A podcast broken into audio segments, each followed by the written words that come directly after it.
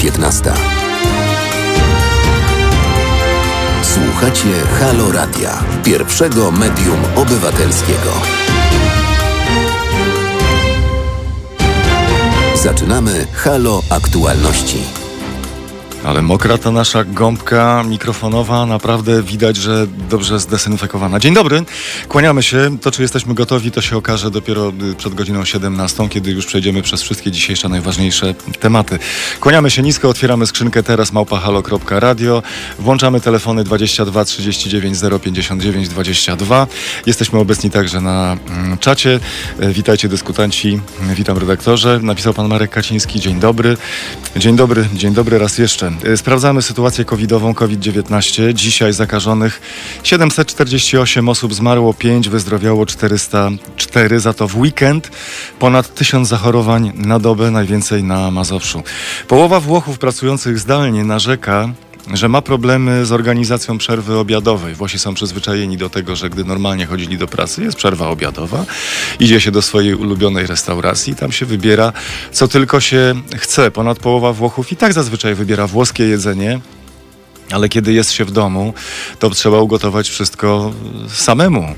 Chociaż sporo część Włochów nadal mieszka ze swoimi rodzicami, to może rodzice chociaż trochę coś by ugotowali od czasu do czasu, więc może to jest taka zawoalowana krytyka.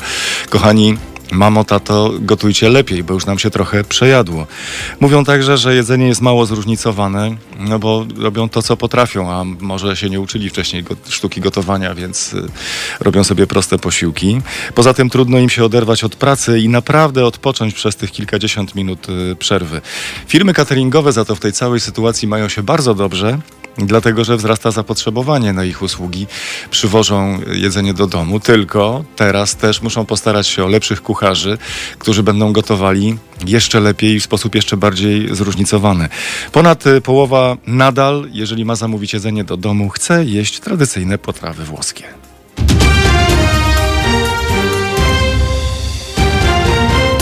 Halo Aktualności. 21 września imieniny Darii, a także Aleksandra. W 1938 roku to przykre jest e, dla nas zdarzenie, które ciągnie się za nami do dziś. Polski rząd wystosował wobec Czechosłowacji ultimatum zawierające żądanie zwrotu części e, Zaolzia. Podobno Adolf Hitler, gdy usłyszał o tym, o tym zdarzeniu, kiedy już zajęliśmy Zaolzie, powiedział brawo Polacy. W 1937 roku została wydana powieść Tolkiena pod tytułem Hobbit, czyli Tami z powrotem. E, najciekawsze jest oczywiście to, że to, że ona po latach się spodobała, to jest rzeczą oczywistą jest e, gigantyczne zainteresowanie Hobbitem, czyli tam i z powrotem i pozostałymi częściami, ale byłem ciekaw, jak zareagowali ówcześni czytelnicy na, na tę powieść i okazało się, że okazało się, że niemal natychmiast się zakochali w tej opowieści. Zerkam, co dalej z koalicją rządzącą. Zaraz do tego dojdziemy.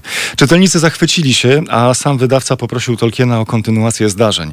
Swoją drogą, Tolkien miał takie mm, swoje ulubione zdanie, które nie ukazało się zresztą w książce, bo wydawca ostatecznie przekonał Tolkiena, żeby tego zdania nie umieszczać.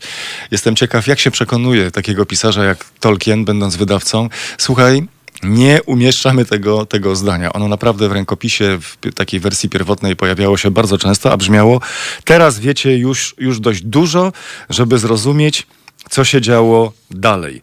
Zdanie fajne, ale faktycznie może jakby się tak przewijało bardzo często w powieści, to byłoby nie do zniesienia. Teraz wiecie już dość dużo, żeby zrozumieć, co działo się dalej. My byśmy bardzo chcieli wiedzieć już dość dużo, żeby móc powiedzieć, co będzie dalej. Nawiązuje do sytuacji mm, z koalicją rządzącą, bo trwa zamieszanie oczywiście w obozie władzy, los Zbigniewa Ziobry wisi na włosku. Co dalej z Solidarną Polską? Co dalej z ugrupowaniem Jarosława Gowina? Co dalej ze, z Prawem i Sprawiedliwością? Czy będą przyspieszone wybory, czy będzie, mm, nazwijmy to, wyłapywanie posłanek i posłów, tak aby rząd jednak nie był mniejszościowy. Jak zachowa się, to też jest ciekawe, że musimy się nad tym zastanawiać, albo że ta postać też jest częścią tej całej politycznej układanki. Czyli jak zachowa się ojciec Tadeusz Ryzyk, jaką postawę przyjmie telewizja polska. Nie pokazali konferencji ministra sprawiedliwości, więc redaktor Zbigniew Stefanik już za chwilę będzie na antenie Halo Radia. Decyzje jeszcze żadne nie zapadły. O partiach politycznych. Y, o działalności politycznej będzie więcej. Pani Alina Czyżewska na Facebooku napisała do Szymona Hołowni, pozwolę sobie przeczytać. Panie Szymonie, panie Szymonie yy, Hołownia, po pana wyst wystąpieniu w wczorajszym poście na temat projektu ustawy o zwiększeniu transparentności partii politycznych zamieściliśmy na sieć obywatelska Watchdog Polska taki post. Zawsze cieszą nas inicjatywy polityków na rzecz jawności. Zawsze im kibicujemy i zawsze się rozczarowujemy. Z hasłem transparentności na ustach szedł swego czasu Robert Biedroń zakładając partię Wiosna. Uwierzyliśmy i było jak zwykle. Wczoraj jawność na swój sztandar wziął Szymon Hołownia. Jego piękny wpis skomentowalibyśmy tak. Jawność? Tak, ale nie my. Szymon Hołownia powołuje się na artykuł Konstytucji o tym, że finansowanie partii jest jawne. Przypomnijmy bliźniaczy artykuł w kodeksie wyborczym. Finansowanie kampanii wyborczej jest jawne i dotyczy to także Komitetu Hołowni. Zapytaliśmy go 27 lutego o wszystkie umowy, wydatki i wpłaty. Zero odpowiedzi. Ponowiliśmy zapytanie 12 maja. Zero odpowiedzi. Złożyliśmy zawiadomienie do prokuratury. 1 września komitet poprosił nas o przesłanie tych wniosków, które podobno nie dotarły. Przesłaliśmy. Po upływie ustawowego terminu 14 dni nadal nie mamy odpowiedzi. Jawność? Tak, ale nie my. Mimo wszystko wciąż wierzymy, że jawność nadejdzie i że nadejdzie odpowiedź od Komitetu Szymona Hołowni 2020 o wszystkich wpłatach, umowach i wydatkach. Pani Alina Czyżewska będzie naszym gościem o godzinie 16. 15. Będziemy rozmawiali również o tym, jak wirus hamuje, ale nie hamuje dlatego, że się nie rozwija i nie atakuje coraz większej liczby osób, tylko hamuje miliardowe inwestycje w turystykę. W Polsce liczba zagranicznych turystów nocujących w naszym kraju była liczona rok do roku. Mniejsza o 88%. W lipcu mniejsza o 68%. Podczas wakacji w trzech czwartych hoteli w Polsce udział cudzoziemców y, w łącznej liczbie gości spadł poniżej jednej dziesiątej. Globalnie to wygląda naprawdę szokująco. Globalne nakłady inwestycyjne w turystyce spadły o ponad 25 miliardów dolarów rok do roku. Liczba zagranicznych wyjazdów turystycznych w całym roku może skurczyć się o miliard. 120 milionów osób w branży grozi utrata pracy. Sekretarz Generalny Izby Gospodarczej Hotelarstwa Polskiego, pan Marcin Mączyński, będzie naszym gościem o 15.45. O 16.30 odniesiemy się do słów y, prymasa Polski, y, który powiedział rzecz następującą. Czy nam nie wstyd? Prymas y, Polski zawstydza tych, dla których, dla których krzyż to oręż walki. Krzyż nie jest orężem walki z tym światem, jak zaczynają myśleć niektórzy i szaleńczo nas w to wciągają. Krzyż nie jest orężem walki. W imię krzyża nie mamy innych pokonywać, ale zbawiać. Ocalać od śmierci, nie odrzucać, nie dzielić, nie mówić, że pod krzyżem nie ma miejsca dla innych. Ciekawe słowa, ale też się zastanawiam nad tym, czy naprawdę aż tak trzeba kluczyć? Czy nie da się tego powiedzieć prościej? Nie da się tego powiedzieć dobitniej? Z redaktorem Jarosławem Makowskim porozmawiamy właśnie o tych słowach prymasa Polski. Do kogo one są skierowane? Bo to, że prymas nawiązywał do wszystkich odrzuconych, skrzywdzonych, o osobach wykorzystanych czy zostawionych y, samym sobie, o cierpiących, także tych ze spalonego greckiego obozu Moria, którzy koczują na ulicach i śpią w śmietnikach. To jest oczywiste, bo sam to powiedział i zadał wtedy pytanie, czy nam nie wstyd. I na koniec nagrody. O 16 Atlas y, Nienawiści. Wokół tego będzie toczyła się nasza rozmowa. Atlas Nienawiści to jest taka oddolna inicjatywa zbierająca dane na temat samorządów ogłaszających się strefami wolnymi od LGBT. I twórcy tego atlasu zostali nominowani do nagrody imienia Sacharowa, przyznawanej przez Parlament Europejski. Ta nagroda za wolność myśli przyznawana jest od 1988 roku, a jej laureatami byli m.in. Nelson Mandela, a także takie organizacje jak Reporterzy Bez Granic i Białoruskie Stowarzyszenie Dziennikarzy. Sacharow, dla przypomnienia, był słynnym rosyjskim fizykiem jądrowym, a potem dysydentem, krytykiem totalitarnego systemu sowieckiego i wojny w Afganistanie, laureatem pokojowej Nagrody Nobla w 1975 roku. Warto wiedzieć, że wśród nagrodzonych znalazła się do tej pory tylko jedna organizacja działająca w kraju członkowskim Unii Europejskiej. W 2000 roku wyróżnienie to otrzymała hiszpańska inicjatywa Basta Ja, walcząca z terroryzmem i przemocą polityczną w kraju Basków. Jeden z twórców tego Atlasu Nienawiści, pan Kamil Maczuga, będzie razem z nami punktualnie o 16. To jedna nagroda, a teraz będą jeszcze inne, ciekawsze nagrody. tak zwane antynoble, czyli Ig Noble 2020. Wśród nagrodzonych antynoblem jest y, Polka. Nie za indywidualne badania, tylko za to, że była częścią zespołu, który pracował nad bardzo ciekawą, jak się Państwo domyślają, rzeczą. Na przykład. Były prowadzone takie badania i też została przyznana nagroda w tej kategorii. W dziedzinie akustyki dla naukowców z Austrii, Japonii, Szwecji, Szwajcarii i Stanów Zjednoczonych Chodziło o to, aby zapędzić samicę zagrożonego wyginięciem aligatora chińskiego do szczelnej komory wypełnionej powietrzem z dodatkiem helu i nakłonić y, samicę tego aligatora do ryczenia. Duża prędkość dźwięku w helu sprawiła, że ryk y, wypadł cieniutko, tak jak w tej zabawie z balonikami wypełnionymi helem. Jego częstotliwość wzrosła z 400 do 800 Hz, a gdybyśmy się chcieli pobawić tak, żeby obniżyć, to należałoby zastosować y, sześciofluorek siarki, tylko ja nie wiem, czy on nie jest trujący. Więc warto to wcześniej sprawdzić, zanim sobie y, podamy coś takiego, żeby, żeby ryczeć jak, jak niedźwiedź. Chodziło o to, żeby sprawdzić czy w podobny sposób wytwarzały dźwięki dinozaury. Tak po prostu się, tak po prostu się bawili. Za cenny wkład w rozwój psychologii uznano wyniki naukowców z Kanady i Stanów Zjednoczonych, twórców pionierskiej metody identyfikacji osób narcystycznych poprzez badanie krwi. Fajną nagrodę w kategorii Ig Nobel 2020, nagrodę pokojową, Przyznano rządom Indii i Pakistanu w uzasadnieniu powołano się na liczne doniesienia prasowe, z których wynika, że dyplomaci tych państw, uwaga, potajemnie dzwonią do drzwi w środku nocy, a następnie uciekają, zanim ktokolwiek zdąży otworzyć. Nie wiem, dlaczego akurat pokojowa, bo po angielsku pokój to nie jest room, tylko inaczej. Ale niech będzie. Y, rozbawiają nas te nagrody i, i bawią nas te badania.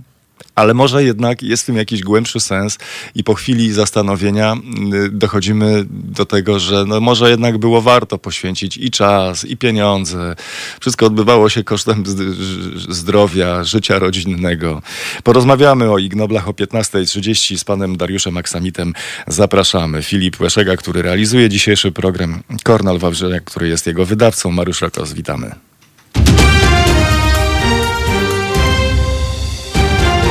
To są Halo Aktualności.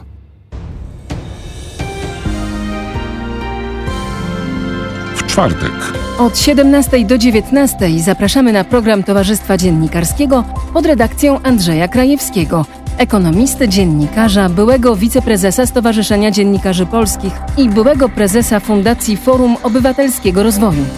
Halo Wolne i Niezależne Media od 17 do 19 www.halo.radio. Słuchaj na żywo, a potem z podcastów.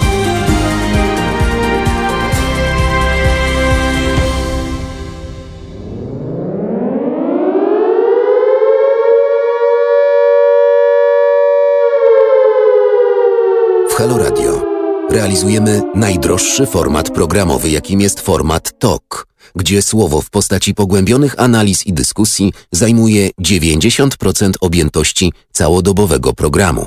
Mamy na pokładzie prawie 50-osobowy zespół i nadajemy swój program całą dobę w formacie audio i wideo. Potrzebujemy zaledwie 150 tysięcy złotych miesięcznie. Dotarliśmy dotąd do miliona Polaków ale tylko 2,5 tysiąca z Was regularnie nas wspiera, co daje nam tylko 50 tysięcy złotych miesięcznie. Jeśli nie chcecie likwidacji Halo Radia i zależy Wam na naszej wspólnej misji, to wystarczy, że zaledwie 3 tysiące z Was przeznaczy na swoje Halo Radio po 50 złotych miesięcznie. Tymczasem grozi nam zamknięcie drzwi na klucz i koniec walki o społeczeństwo obywatelskie. Nasze dziś i jutro zależą zatem wyłącznie od Ciebie. www.halo.radio ukośnik SOS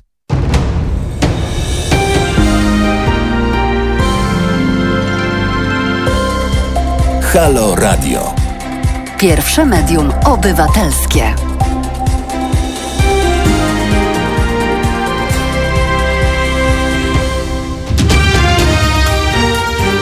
To są Halo Aktualności. Redaktor Zbigniew Stefanik razem z nami w bezpiecznej odległości ze Strasburga obserwuje to, co dzieje się w Polsce. Witam pana redaktora. Witam pana redaktora również, witam państwa. To już jest moim zdaniem znęcanie się nad Zbigniewem Ziobro, dlatego że jeżeli mieli go pozbawić stanowiska, to najlepiej od razu, szybko, zdecydowanie, a nie tak znęcać się nad człowiekiem 15-15, a on nadal nie wie, czy jutro ma przyjść do pracy.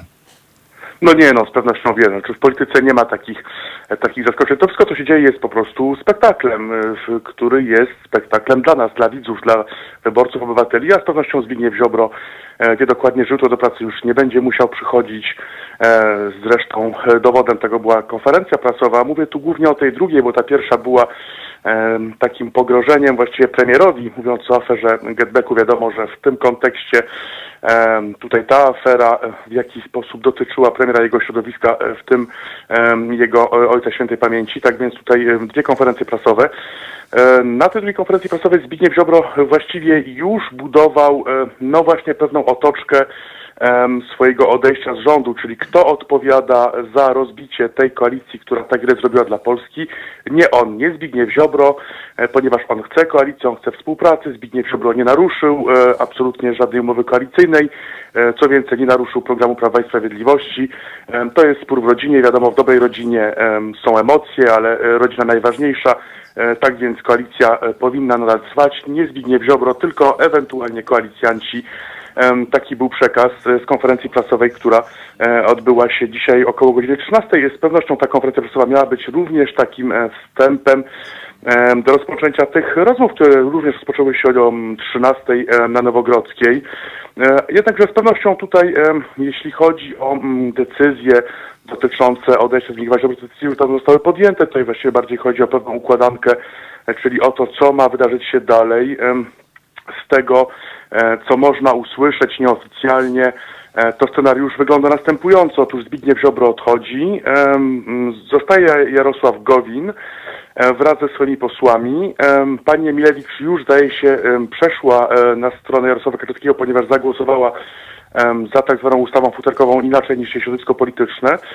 Ale tutaj faktycznie Zbigniew Ziobro odchodzi, jednak Solidarna Polska E, w jakimś sensie zostaje, ponieważ będzie propozycja złożona poszczególnym posłom tejże formacji.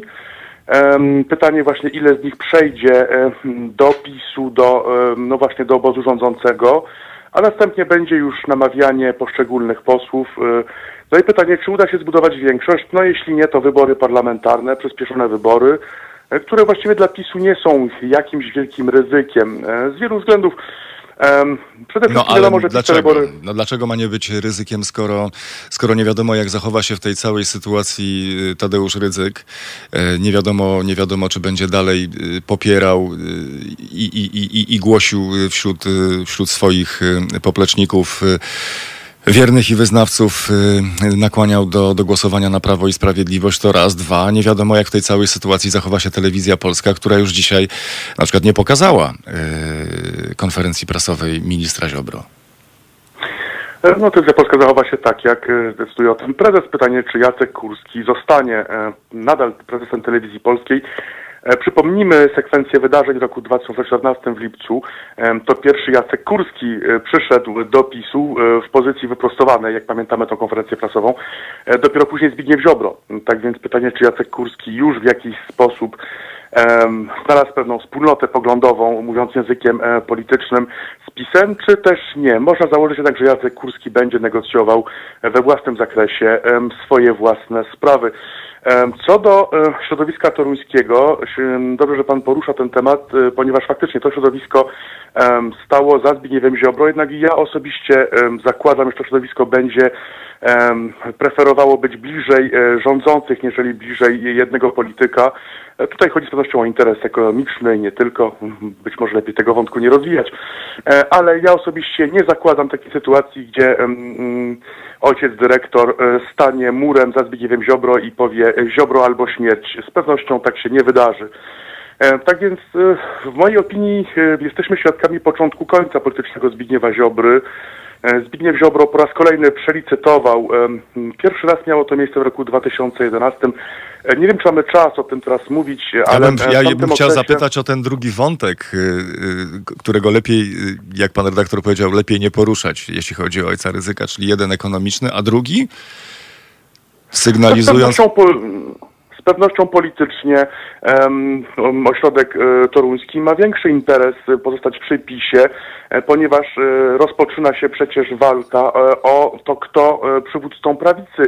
Przypomnijmy, jak doszło do, do tego konfliktu, którego jesteśmy świadkiem. Otóż tak naprawdę nie Zbigniew Ziobro, ale Jarosław Kaczyński rozpoczął ten kryzys. Dlaczego? Ponieważ Zbigniew Ziobro oczekiwał prezesa PiSu, iż prezes PiSu zgodzi się na zapisanie jego i Solidarnej Polski do PiSu. E, Co to by oznaczało? To oznaczałoby faktycznie, że ludzie Ziobry, jak również Zbigniew Ziobro, e, jest w pełni prawy walczyć zgodnie ze statusem e, PiSu o władzę w tej partii.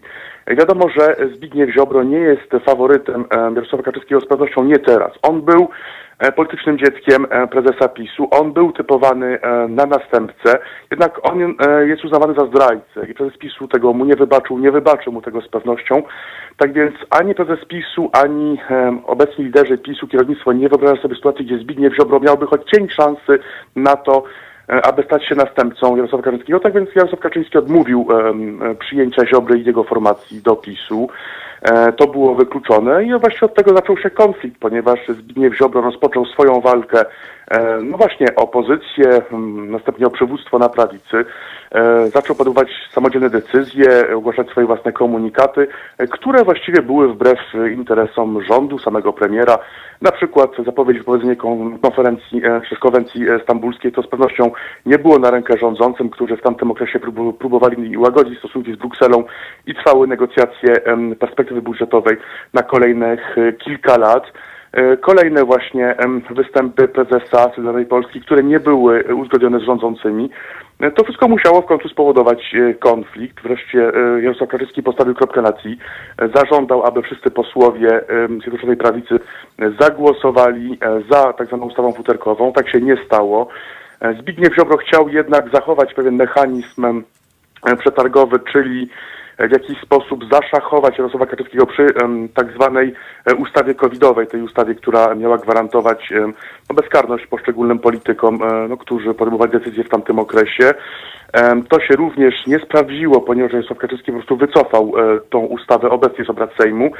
Tak więc Zbigniew Ziobro został de facto bez argumentów. Ja osobiście podejrzewam, iż jest to początek końca jego kariery politycznej, ponieważ Zbigniew Ziobro faktycznie był gwiazdą polityczną i to było 15 lat temu. E, I pamiętajmy, iż Zbigniew Ziobro osiągał faktycznie rekordowe wyniki wyborcze, ale e, kiedy startował z list PiS.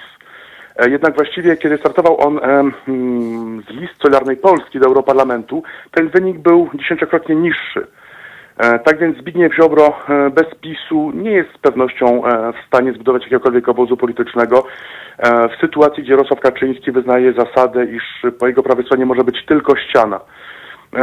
Ciekawy jeśli jest ten chodzi, wątek pierwszych tych wyborów, kiedy Zbigniew Ziobro startował z listy Prawa i Sprawiedliwości, bo to wtedy, bo to wtedy wybuchł kon, konflikt między nim a panem Wassermanem. I teraz, gdyby pani Małgorzata Wasserman objęła tekę ministra sprawiedliwości po Zbigniewie Ziobro, to chyba byłby jednak policzek.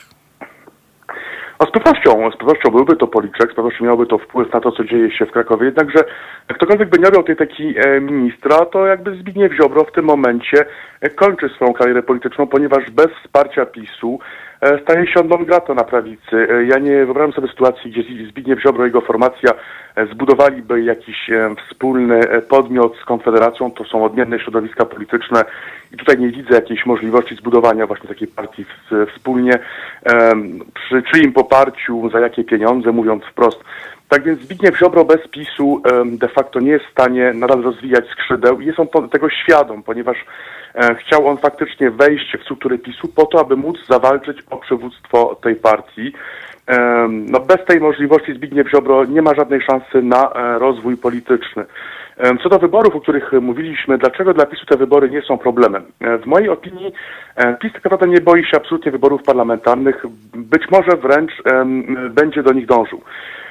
Przypomnijmy o jednej kwestii, o której zdaje się mówi się zbyt mało w mediach. Otóż nie tylko Solidarna Polska i porozumienie Gowina, ale również kilkunastu posłów PiSu nie zagłosowało za tą ustawą futerkową, czyli prezes PiSu e, zdał sobie sprawę z tego, że właściwie już nie ma kontroli całkowitej nad swoim obozem politycznym. I tutaj już e, pomijając e, no, względy polityczne, dla których ci posłowie zagłosowali przeciwko tej ustawie z pewnością w terenie, byłoby to trudne do obronienia, to fakt faktem, iż prezes PiSu nie był w stanie wymusić na posłach swojej własnej partii, aby zagłosowali oni zgodnie z jego decyzją, zgodnie z jego wolą.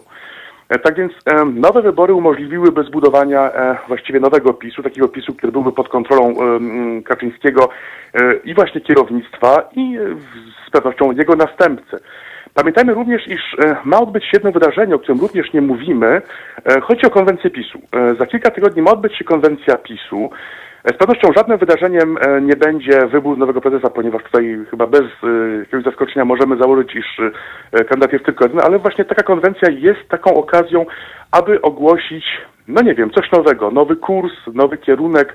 Tak więc taka konwencja mogłaby być właśnie takim startem czegoś nowego, czyli wybory albo na przykład nowy PiS, nowa era w na prawicy, nowa era w rządzie. Jest to z pewnością moment, który można wykorzystać, ponieważ ten moment już został zaplanowany, już jest organizowany i ten moment można by było wykorzystać do no właśnie wylansowania czegoś nowego.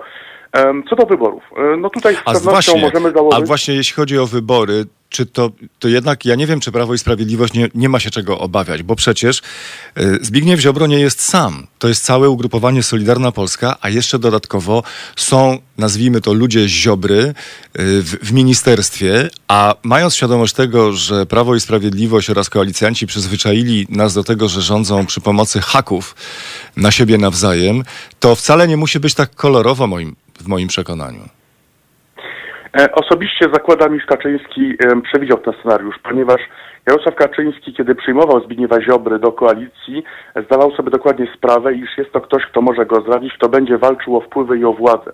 Skoro tak się stało 4 lata przed przyjęciem go ponownie e, do tegoż obozu politycznego, dlaczego miałoby się stać inaczej kilka lat później? Tak więc w mojej opinii Kaczyński przewidział um, taki scenariusz i z pewnością do niego się skutecznie bardzo mocno przygotował. E, osobiście nie zakładam takiej możliwości, aby Jarosław Kaczyński e, uczynił Zbigniewa Ziobry ministrem sprawiedliwości i nie zabezpieczył się przed ewentualnymi skutkami takiej decyzji. Z pewnością macie Państwo, rozumiecie Państwo, co mam na myśli. Tak więc e, ja osobiście nie zakładam, aby Jarosław Kaczyński i jego otoczenie mieli się czego obawiać. Być może dojdzie do jakiejś walki z pewnością w mediach na jakieś rewelacje, ale z pewnością to nie będzie służyło Zbigniewowi Ziobrze, ponieważ z pewnością Jarosław Kaczyński jest na to absolutnie przygotowany, e, z pewnością bardziej dwa razy niż jeden raz, cytując jedno powiedzenie e, francuskie. Co do samych wyborów, ja osobiście e, zakładam, iż PiS tych wyborów się absolutnie nie obawia, ponieważ właściwie jakkolwiek by wynik nie był tych wyborów, to dla nich ten wynik będzie, będzie korzystny. Pamiętajmy, że Kaczyński jest E, tym typem polityka, który bardziej e, niż tym, co jest teraz, interesuje się tym, co będzie później. I tak, tak właściwie było zawsze. Kaczyński bardziej żył przyszłością, niżeli teraźniejszością. E, I właściwie dla Kaczyńskiego teraz ważniejsze jest to, co będzie za lat kilka, czyli jak będzie wyglądała prawica. Czy prawica będzie podzielona, czy jednak będzie ona scalona, zjednoczona pod przywództwem jednej grupy, czyli grupy, którą on stworzy, wyznaczy. E, no właśnie, e, i mm, zorganizowanie wyborów to umożliwi, czyli właściwie oczyszczenie szeregu, e, w cudzysłowie oczywiście, szeregu prepisu, no właśnie z ludzi, którzy są tam niepożądani, stworzenie jakiejś nowej grupy, nowych list, no właśnie ludzi, którzy mieliby stać się tymi ramami PiSu, partii rządzącej PiSu na przyszłość. E, to jedna rzecz. Druga rzecz, tak naprawdę wiadomo, że takie wybory PiS e, wygra. Znaczy, pytanie e, tylko istnieje, czy PiS będzie miał większość parlamentarną, czy jej nie będzie miał.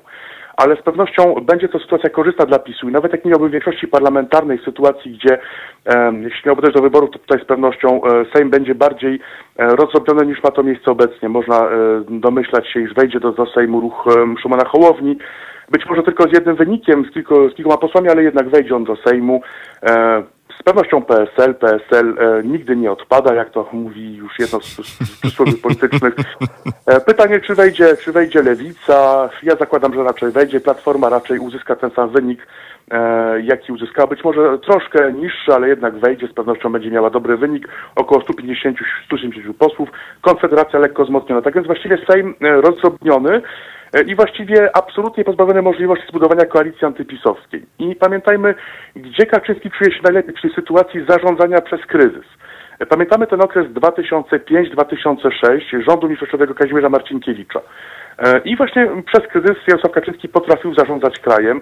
E, Jest to absolutnie możliwe, kiedy ma się sprzyjającego prezydenta. Pamiętajmy, e, w sytuacji, gdzie prezydentem był Aleksander Kwaśniewski, rząd mniejszościowy Marka Belki przetrwał kilkanaście miesięcy. W sytuacji, gdzie prezydentem był Lech Kaczyński, również przetrwał rząd Marcinkiewicza. Tak więc ja zakładam, że PiS nie obawia się sytuacji, gdzie tak naprawdę e, rząd mniejszościowy rządzi, ale ja osobiście również zakładam, iż PiS nie jest tak do końca, być może będzie to teraz przewrotne, co teraz powiem, przepraszam z góry za to, ale że PiS nie jest tak do końca zainteresowany sprawowaniem e, władzy w Polsce w następnych miesiącach, ponieważ e, z pewnością w Polsce będzie kryzys związany z COVID-em, kryzys gospodarczy. To będzie trudna sytuacja. Tak więc z pewnością byłaby lepsza sytuacja dla PiSu, gdzie na jakiś czas opozycja podzielona e, objęłaby stery Polski po PiSie e, i musiałaby stawić czoła e, sytuacji pandemicznej, e, kryzysowi gospodarczemu i e, następstwom tej sytuacji, e, po czym PiS mógłby wrócić ze swoją retoryką i właściwie z kampanią z 2015 roku, mówiąc o właśnie Polsce w ruinie, e, Przypominając ci, zarządów PiSu było 500 plus, nie tylko, wszystko właściwie było na plus, a zarządów opozycji wszystko jest na minus. e, I taka sytuacja byłaby dla PiSu e, korzystna, zwłaszcza, że przecież PiS ma swojego prezydenta, który, jak można założyć, e, nie wystąpi przeciwko e, swojej rodzimej formacji. Tak więc właściwie wybory parlamentarne e, nie są dla PiSu kłopotem. Z pewnością większym kłopotem dla Jarosława Kaczyńskiego jest to, co się dzieje obecnie w jego obozie, czyli właśnie działania Zbigniewa Ziobry, e, które zagrażają tak naprawdę e, kierownictwu PiSu i obecnemu, no właśnie układowi, który rządzi w tej partii. I właśnie z tym się musi uporać. Z pewnością dla Kaczyńskiego ważniejsze jest to, co będzie za lat kilka, czyli jak będzie wyglądała prawica, kto będzie na tej prawicy rządził, e, kto będzie nią sterował. E, I tutaj nawet oddanie władzy na czas jakiś nie jest dla PiSu mm, mm, kłopotem. Pamiętajmy, Jarosław Kaczyński był e, gotowy oddać władzę w roku 2007, nazywano to kapitulacją, a ja się z tym nie zgadzam.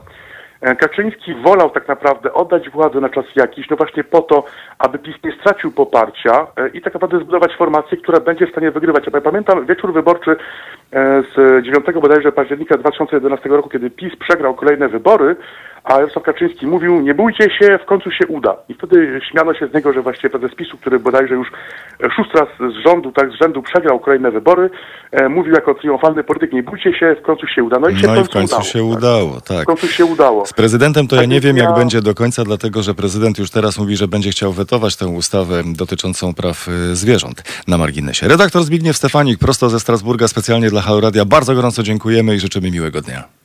Dziękuję bardzo, miłego dnia. To są Halo Aktualności.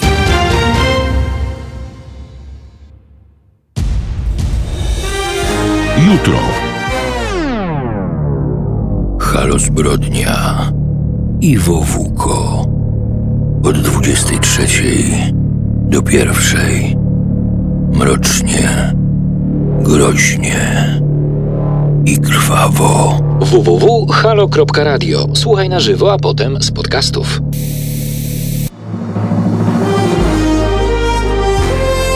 Halo Radio. Cześć, nazywam się Renata Gabrielska i wspieram Halo Radio, jedyne w Polsce medium obywatelskie. www.halo.radio ukośnik SOS.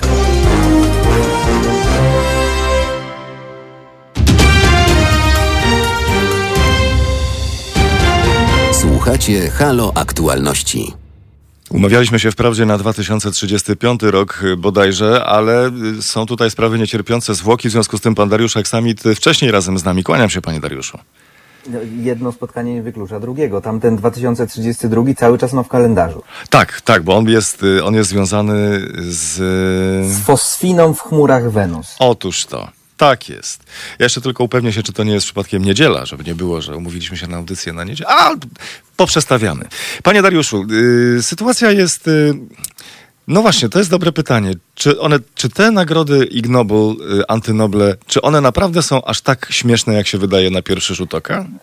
Mnie to bawią do łez, natomiast zaprotestuję tylko przed y, mówieniem, że to są antynoble, bo faktycznie to brzmi tak, jakby one były trochę za karę. Tak jak mamy Oscary i mamy y, Złote Maliny, no to faktycznie to jest y, wyśmianie kogoś, wyszydzenie, że zrobił no, absurdalny albo no, beznadziejny film. Natomiast nie ma nic uwłaczającego w dostaniu Ig Nobla, a wręcz Ig Noble są wręczane przez y, ludzi, którzy naprawdę dostali tego prawdziwego y, Nobla e, i naukowcy, którzy y, zostają uhonorowani Ig Noblem, faktycznie z radością i uśmiechem, że dostali dostrzeżeni, przychodzą na ceremonię i odbierają nagrodę i wygłaszają przy okazji, no właśnie, wykład na, na temat swoich badań.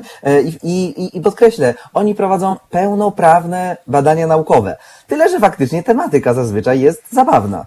No tak, no bo też zastanawiam się, y, czy one, te niektóre badania, które są prowadzone, czy no to, nie są, to nie jest przyczynek do zrobienia jakichś większych, poważniejszych badań, w cudzysłowie poważniejszych, yy, albo wykorzystać to jako element jakiegoś, jakichś większych badań, no bo jaki pożytek tak na pierwszy rzut oka płynie z tego, że eksperymentowano z wpływem wibracji o wysokiej częstotliwości na kształt żywych dżownic? No, na pierwszy rzut oka to bardzo często w ogóle w nauce tak bywa, że robi się rzeczy, zupełnie nie wiadomo, co z tego wyniknie, ale przypomnę historyjkę z y, Faradayem, który no, wymyślił, jak produkować w prąd i nie miał najmniejszego pojęcia, po co komu ten prąd. Ale, no, ale uznał, że no, kiedyś może komuś to się przyda. Więc ja na dzisiaj dzień y, nie wiem, co wyniknie y, z tych badań, że faktycznie wzięto, wzięto dżdżownice, czy jakieś inne takie podłużne robaki i stawiano no, je w zbiorniku z wodą na głośniku i badano, jak się zmienia ich kształt w trakcie, jak e, rozchodzą się tam różne fale. E, natomiast potencjalnie e, jest to przyczynek do dalszych badań, które pozwalają właśnie lepiej zrozumieć oddziaływanie właśnie różnych czynników na środowisko. Bo jeśli sobie wyobrazimy na przykład jakąś tam instalację podwodną, jakąś tam bazę, pompy, maszyny, czy statki pływające, czy cokolwiek innego, no to pytanie, co te dźwięki robią gdzieś tam właśnie na przykład, nie wiem, w jeziorze czy oceanie. Więc to jest jakiś przyczynek i faktycznie no, wyginanie się robaków pod wpływem e, e, fal dźwiękowych. Dzisiaj może nic z tego nie wynika, ale no zobaczymy, co będzie w przyszłości. Tych pięciu na pewno, y, którzy dostali Ig Nobla, nie zgłosili się po nagrodę, bo y, w dziedzinie zarządzania dostało pięciu zawodowych zabójców y, za zlecanie podwykonawstwa w ich wydaniu. Czyli było tak, że jeden dostał tak zadanie, potem dał drugiemu, tamten jeszcze następnemu i tak dalej, i tak dalej. Stworzyli łańcuszek czterech podwykonawców dla tego pierwszego. Y, oczywiście każdy kolejny zabójca otrzymywał mniejszy procent opłaty. Aż no i nikt nie wykonywał morderstwa. Tak, aż w końcu temu ostatniemu wyszło, że on ma za tak małe pieniądze zabić, że już właściwie to za tyle to mu się nie chce ryzykować, więc umówił się z tym człowiekiem, na, na którego dostał y, podwykonawstwo do zlecenia morderstwa, spotkał się z nim i z nim pogadał, że w sumie wiesz, no są takie pieniądze, to nie ma co cię zabijać, to choć upozorujemy to. I y, tamten się zgodził, no w sumie to jest tak, takie no, uczciwa propozycja, że nie zabijecie, ale dasz sobie zrobić zdjęcie, które wygląda jak, jakbyś nie żył. No i faktycznie y, zrobili zdjęcie, on zainkasował pieniądze, no ale w końcu to wyszło. No i koniec końców całą piątkę zamknęli, e, więc obronną ręką z tego wyszła ta potencjalna e, ofiara. Natomiast, no znowu, historia jest kuriozalna, ale coś nam mówi chyba o tym, jak funkcjonuje kapitalizm i o tym, jak pod zlecanie kolejnemu i kolejnemu wykonawcy, który zamiast wykonać pracę, to zleca ją kolejnym i kolejnym, aż ta praca okazuje się totalnie bezsensowna, no, no to jest jakiś przyczynek do szerszej refleksji. Teraz będzie ale, jeszcze. Ten, ale jak tak? się tak śmiejemy, ale na przykład była jedna nagroda e, związana z e, oceną tego, czy ktoś ma narcystyczny charakter na podstawie kształtu jego brwi. No i faktycznie, no, no znowu jakiś totalny absurd. Ale jeśli zastanowimy się nad tym, że coraz więcej uczymy maszyny analizowania obrazu i na przykład rozpoznawania e, ludzi i rozpoznawania także ich nastrojów i jakichś innych cech, to w tym momencie, no to jest bardzo konkretny przyczynek, żeby lepiej maszyny mogły właśnie na przykład analizować analizować i rozpoznawać ludzi. E, więc znowu, 15 lat temu pewnie z tego użytku nie byłoby absolutnie żadnego, a teraz jesteśmy w takiej epoce, że być może ktoś to faktycznie wdroży i zastosuje na dobre i na złe. W przypadku Nagrody Pokojowej nie jestem w stanie, nie jestem w stanie tego wytłumaczyć, ale no trudno, i poprzeczka jedzie, i poprzeczka jedzie w górę. Yy, Nagroda Pokojowa dla rządów Indii i Pakistanu. Dyplomaci tych państw ponoć potajemnie dzwonią do drzwi w środku nocy, a następnie uciekają, zanim ktokolwiek zdąży otworzyć. No i biorąc pod uwagę, że zarówno Indie, jak i Pakistan są, są krajami jądrowymi, czy po, posiadają e, głowice jądrowe i, i rakiety zdolne do przenoszenia ich, to faktycznie to zasługuje na pokojową Nagrodę Nobla, że e, tak się stalkują nawzajem właśnie wysyłając urzędników, żeby o trzeciej w nocy e, dzwonili komuś do domu i uciekali, jak właśnie dzieci w podstawówce. No, no faktycznie jest to lepszy rodzaj prześladowań politycznych niż zrzucenie na kogoś bomby jądrowej. Tu się chyba zgodzimy, że zasłużyli faktycznie na tę nagrodę. Że jeżeli już Natomiast komuś robić oczywiście- krzywdę, to w taki sposób, tak? Z- Zdecydowanie. E, Natomiast no też jest to jakaś refleksja na temat tego, jak napięte są tam e, e, stosunki, no skoro e, poważni dorośli ludzie do, do e, takich kuriozów się e, posuwają, no żeby tylko e, sobie chociaż odrobinę nawzajem e, zaszkodzić. Łukaszenka też dostał e, nagrodę.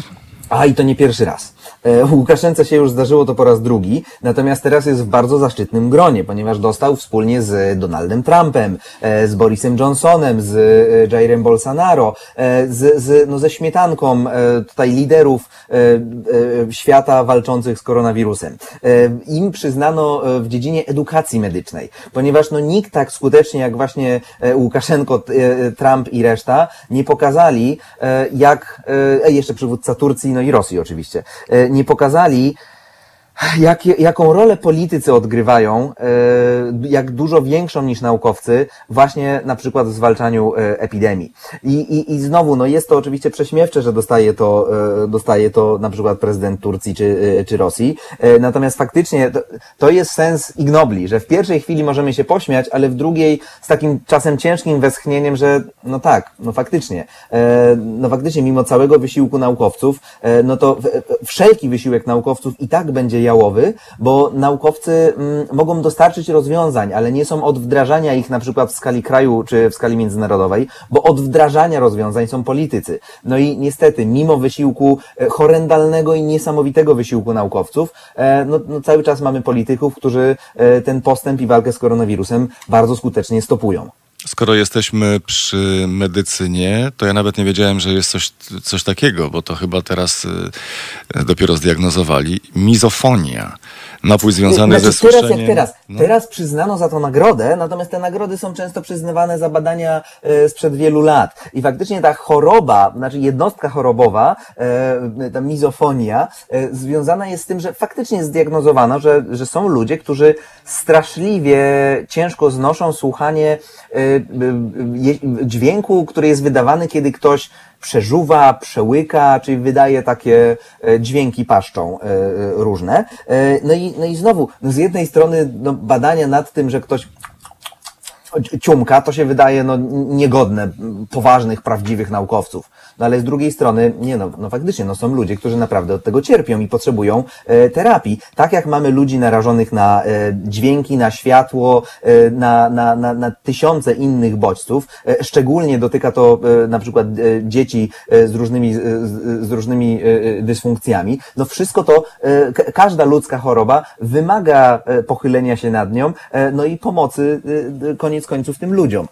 To niestety daje potężny się- oręż dzieciom, dlatego że rodzice często dzieciom powtarzają, przestań siorbać. A teraz dziecko powie, tata, weź, może byś się zbadał, co?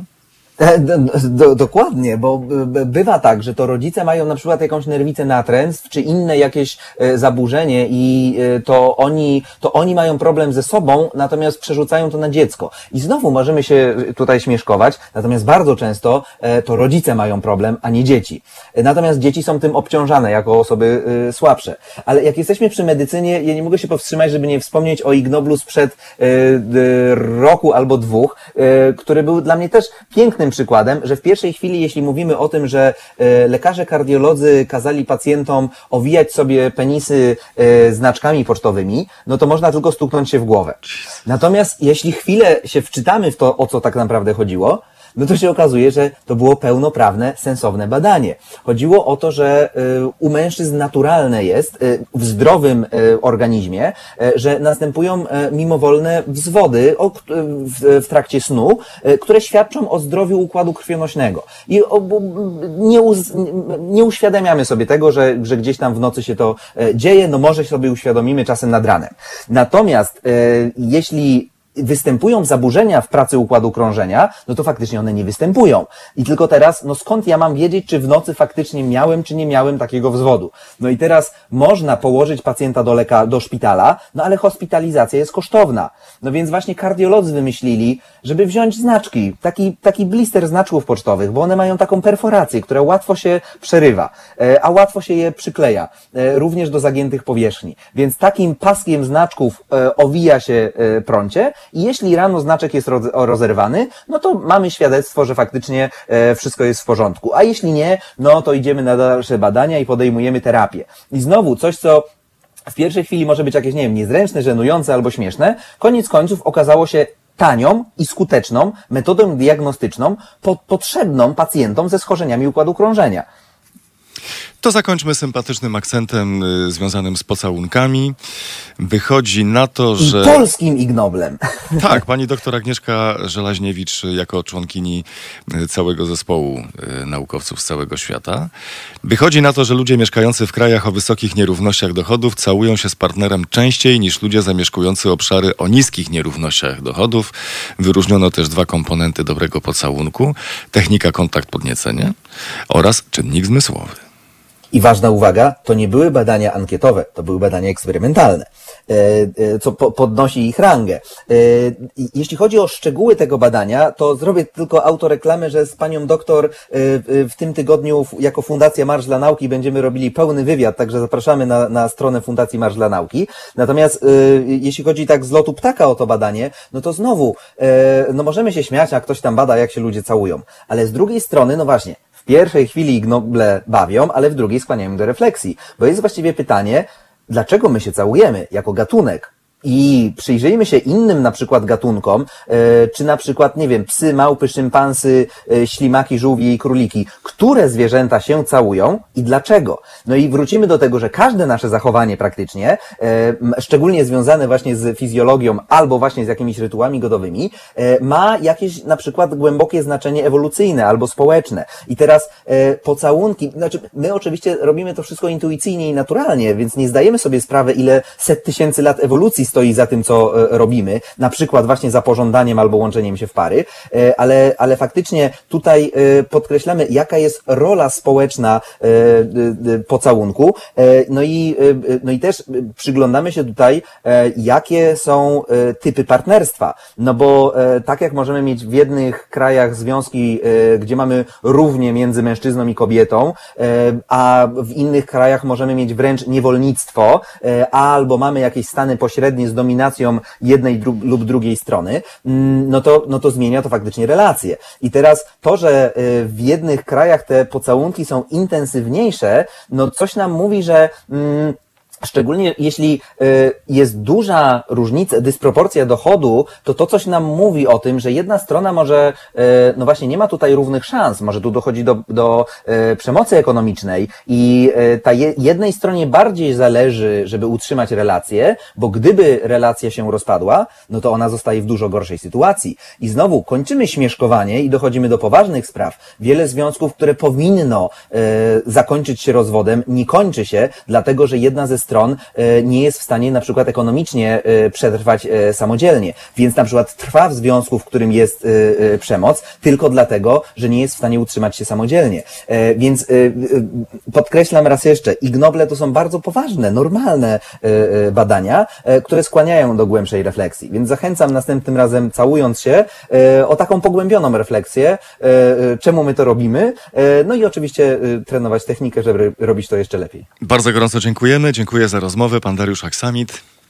Polecam się i do usłyszenia. To są Halo Aktualności. środę Między 17 a 19 przewodniczący Związku Zawodowego Związkowa Alternatywa Piotr Szumlewicz o prawach pracowniczych, ich łamaniu i wspólnej walce o lepsze jutro. 17-19. www.halo.radio. Słuchaj na żywo, a potem z podcastów.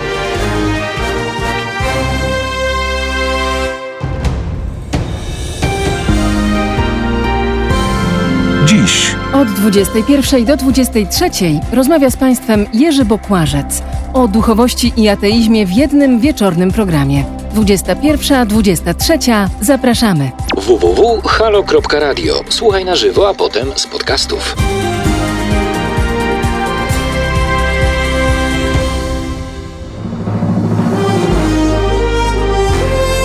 Halo Radio. Halo Radio, medium obywatelskie. Warto go wspierać, warto go wsłuchać. Monika Płatek. www.halo.radio ukośnik SOS.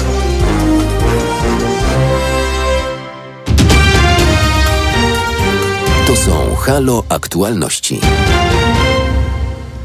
W pierwszej połowie tego roku globalne nakłady inwestycyjne w turystyce spadły o ponad 25 miliardów dolarów rok do roku. Liczba zagranicznych wyjazdów turystycznych w całym roku może skurczyć się o miliard 120 milionów osób w branży grozi utrata pracy. Pan Marcin Mączyński, razem z nami sekretarz generalny Izby Gospodarczej Hotelarstwa Polskiego. Kłaniam się. Dzień dobry panu, dzień dobry państwu. To wygląda i brzmi dramatycznie. No tak, sytuacja jest dramatyczna. Nigdy w historii, nawet podczas e, wojny, nie było takiej sytuacji, gdzie branża hotelowa została zastopowana. A to mieliśmy dzisiaj w tym roku podczas początków pandemii. Co można zrobić, co można zrobić w tej sytuacji? Bo za chwilę przejdziemy do tego, jak to wygląda na polskim rynku. Co można zrobić? No przede wszystkim e, szukać rozwiązań, które e, będą wspierały e, branżę. Branża powinna troszeczkę się też przebranżowić, szukać oszczędności, tak żeby ten bardzo trudny okres, w którym niewątpliwie dzisiaj jesteśmy, przetrwać. No ale jak tutaj ma się przebranżowić człowiek, który jest właścicielem, właścicielem hotelu? No ja obserwuję e, różne e, możliwości przebranżowienia, które dzisiaj trwają. E, na przykład część obiektów hotelowych, część gastronomii hotelowej na przykład produkuje dzisiaj pizzę i rozwozi po osiedlach, które są blisko danego hotelu. Wynajmują pokoje na dłuższy czas, czego do tej pory nie było. E, Także każdy próbuje szukać jakiegoś rozwiązania, które pozwoli przetrwać ten bardzo trudny czas. Z tym cateringiem to jest bardzo dobry pomysł, bo na y, podobne niedogodności mówiliśmy o tym y, niecałe, niecałe 45 minut temu. Narzekają Włosi, którzy muszą pracować w domu, a mówią, że oni sami nie są w stanie sobie przygotować tak dobrych posiłków, jak te, które do tej pory spożywali w restauracjach. No, no tak, i, i, i widzimy na przykład, e, jak dzisiaj dobrze rozwija się e, przemysł, który zajmuje się pakowaniami jednorazowymi. E, Bije rekordy, ponieważ gastronomia zamawia takie ilości jednorazowych opakowań na wynos i, i firmy, które dowożą jedzenie do mieszkań, też dzisiaj są w bardzo dobrej sytuacji. Także to, to się dzieje.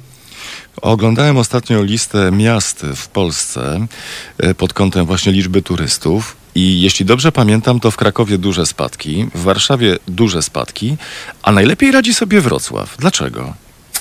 E, tak, to prawda. Kraków i, i Warszawa mają dramatyczne spadki. Czym to jest spowodowane? Przede wszystkim brakiem turystów zagranicznych. No, Kraków stał turystami zagranicznymi, chociażby patrząc na statystyki lotniska e, Balice i ilość e, chociażby e, rejsów low-costowych 2019 do 2020 to jest 95% spadku. Stąd jest tak źle. Podobnie sytuacja wygląda w Warszawie. Warszawa jeszcze dodatkowo nie ma jakiegokolwiek dzisiaj biznesu. Nic się nie dzieje, nie ma konferencji. E, firmy e, pracują zdalnie i, i dzieje się e, bardzo źle. A dlaczego Wrocław e, ma się nieźle? Bo to też nie jest bardzo dobry e, wynik. Wrocław, e, pod Wrocławiem jest duża fabryka LG. I w tym najtrudniejszym okresie czasu e, uruchamiano nową linię produkcyjną i parę hoteli było zajętych przez Koreańczyków. Polskie linie lotnicze LOT miały bezpośrednie loty czarterowe z Seulu do Wrocławia i parę razy w tygodniu pełen Dreamliner przywoził e, pracowników LG do fabryki. Ci pracownicy mieszkali w hotelach. Stąd, stąd są tak niezłe wyniki e, w obłożeniu, bo tutaj nie mówmy o, o ebicie, tylko mówmy o obłożeniu e, w stosunku do reszty miast w Polsce. Czy w Polsce na tle świata też y, spadki, jeśli chodzi o inwestowanie w branżę, są tak gigantyczne, jeszcze większe, czy może mniejsze na szczęście? One są na, na podobnym poziomie. Przez ostatnich parę lat budowało się bardzo dużo nowych obiektów. I, I dzisiaj też nawet w tym okresie pandemii parę, parę hoteli, paręnaście zostało e, otwartych. Jednak e, inwestorzy dzisiaj patrzą troszkę już innym okiem na, na nowe inwestycje. E,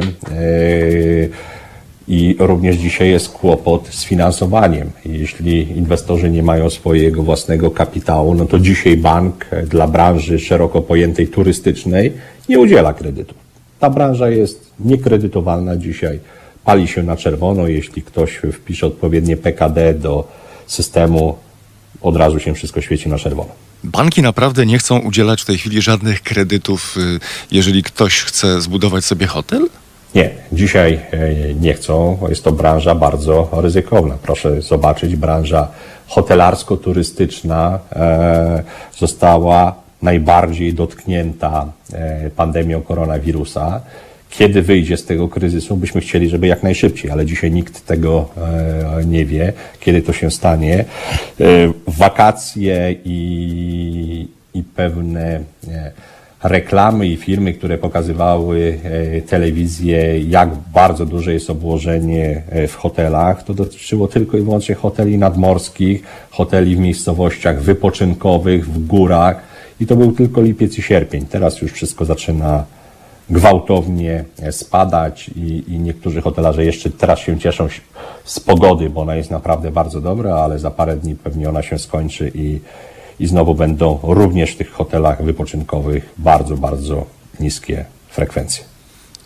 Hotele i ludzie, którzy pracują w hotelach, to nie jest oczywiście tylko y, osoba, która będzie pracowała na recepcji, to nie jest tylko osoba, która posprząta, posprząta pokoje, to nie jest tylko osoba, która ugotuje posiłek, ale to przecież też są, jest y, całe, cała otoczka, taki pierścień, y, pierścień dostawców, podwykonawców, którzy pracują na rzecz hotelu. Jak bardzo ich dotknęła ta cała sytuacja i jak oni sobie radzą w tej sytuacji? No tak, to my e, robiliśmy takie e, wyliczenia i w szeroko pojętym całym obszarze e, hotelowym, ale to o czym Pan wspomniał, czyli cały łańcuch dostawców, to jest około milion miejsc pracy.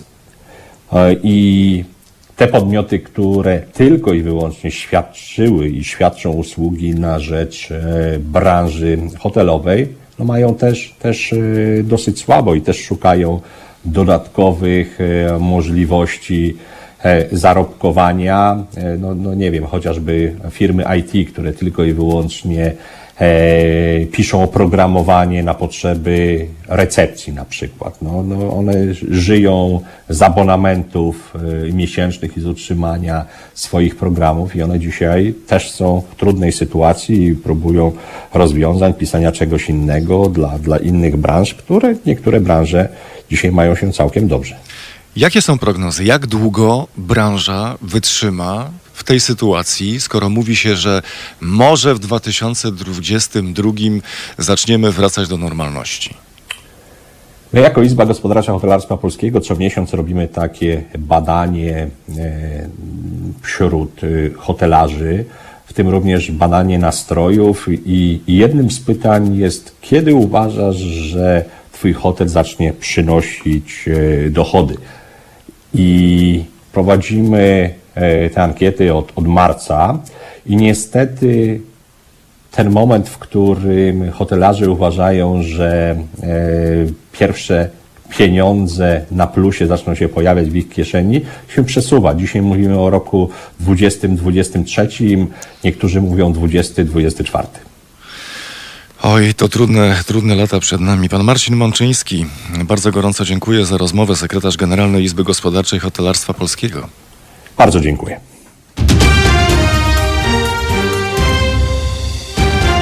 Słuchacie Halo Aktualności.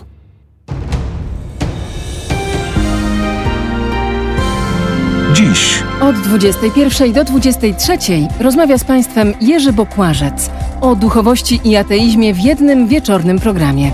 21-23 zapraszamy. www.halo.radio. Słuchaj na żywo, a potem z podcastów.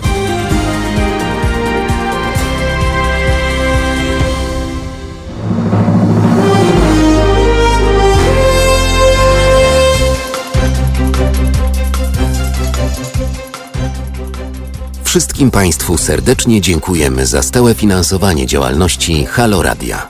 Nadajemy i rozwijamy się tylko dzięki Waszym szczodrym datkom.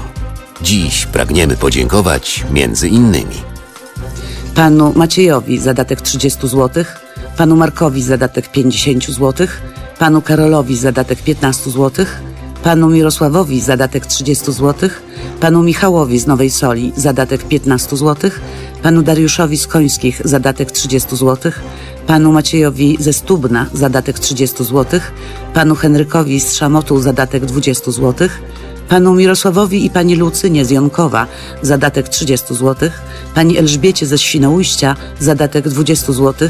Dziękowała Beata Kawka.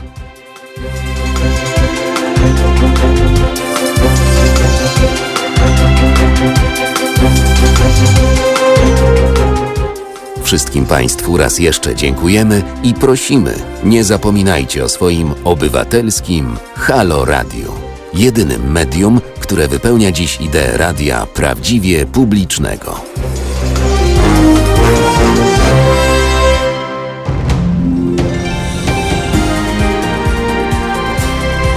Halo Radio. Łączne zadłużenie polskich szpitali przekroczyło już 13 miliardów złotych. Tymczasem każdego roku Kościół katolicki kosztuje nas wszystkich prawie 20 miliardów złotych. Wiele z tych pieniędzy płynie do kościoła setkami kanałów dzięki setkom aktów prawnych tworzonych przez ostatnie 31 lat przez wszystkie rządy, by zapewnić sobie, jeśli nie przychylność, to choćby brak wrogości ze strony kościoła. Najwyższy czas, żeby rozpocząć dyskusję nad tym, jak przeciąć publiczne kanały finansowania Kościoła i doprowadzić do sytuacji, w której to zadeklarowani wierni wezmą swój Kościół na własne utrzymanie. Zanim jednak uda nam się doprowadzić do normalności, musimy wzajemnie się informować. Musimy wiedzieć, jak wielka jest skala tego bezprawia w ramach ustanowionego patologicznego prawa. Wesprzyj zrzutkę na rzecz pierwszej takiej kampanii społecznej w Polsce – na www.zrzutka.pl ukośnik kampania. Siedem miast, dwa tygodnie ekspozycji na dużych nośnikach, a do tego zestawy billboardów mobilnych. Warszawa, Łódź, Kraków, Poznań, Katowice, Wrocław i Trójmiasto. www.zrzutka.pl ukośnik kampania. To ile kosztuje nas Kościół? Halo Radio. Nazywam się Tomasz Sekielski. Często od moich widzów, słuchaczy, czytelników słyszę, że brakuje w Polsce medium obywatelskiego. Medium, które na poważnie traktowałoby swoich odbiorców. Medium, z którym odbiorcy mieliby kontakt. Medium, które reagowałoby na to, co myślą, co mówią, co piszą, co robią jego odbiorcy. Teraz jest szansa, aby takie medium powstało. Wbijajcie na Patronite'a, a tam odszukajcie profil Fundacji Obywatelskiej. Możecie wpłacić pieniądze, bo ta fundacja pracuje nad stworzeniem nowego medium, medium obywatelskiego, radia z wizją. Ja też będę w tym projekcie. www.halo.radio ukośnik SOS.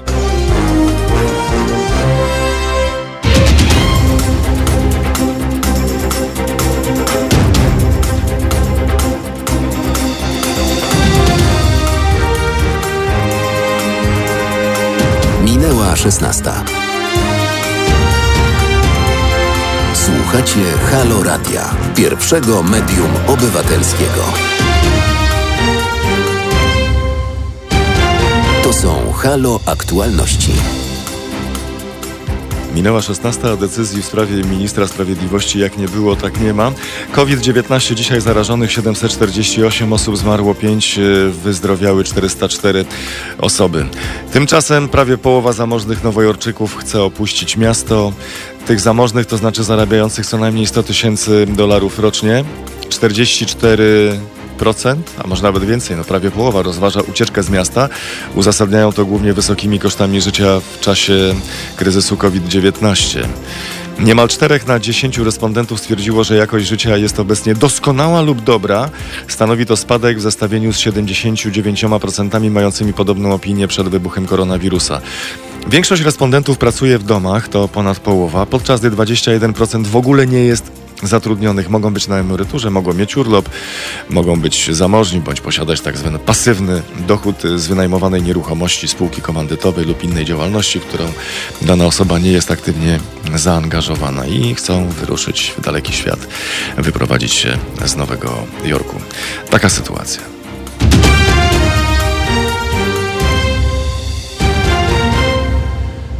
A razem z nami pan Kamil Maczuga, jeden z twórców e, Atlasu Nienawiści. Dzień dobry.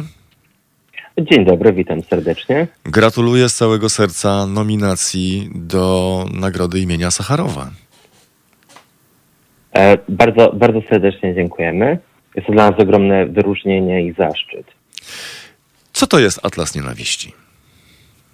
Atlas Nienawiści jest e, mapą, jest, jest jakby przestrzennym zwizualizowaniem tego, które rejony w Polsce, które województwa, powiaty i gminy przyjęły, planują lub odrzuciły przyjąć lub e, planują e, przyjąć e, dyskryminujące akty znane jako uchwały przeciwko tak zwanej ideologii LGBT albo coś o takim e, bardzo miłej, ale niebezpiecznej nazwie jak samorządowa karta praw rodzin.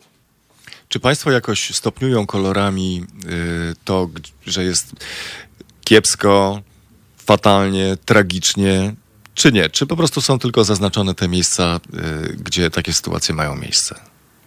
E, przede wszystkim e, zaznaczamy uchwały, które zostały przyjęte przez regiony.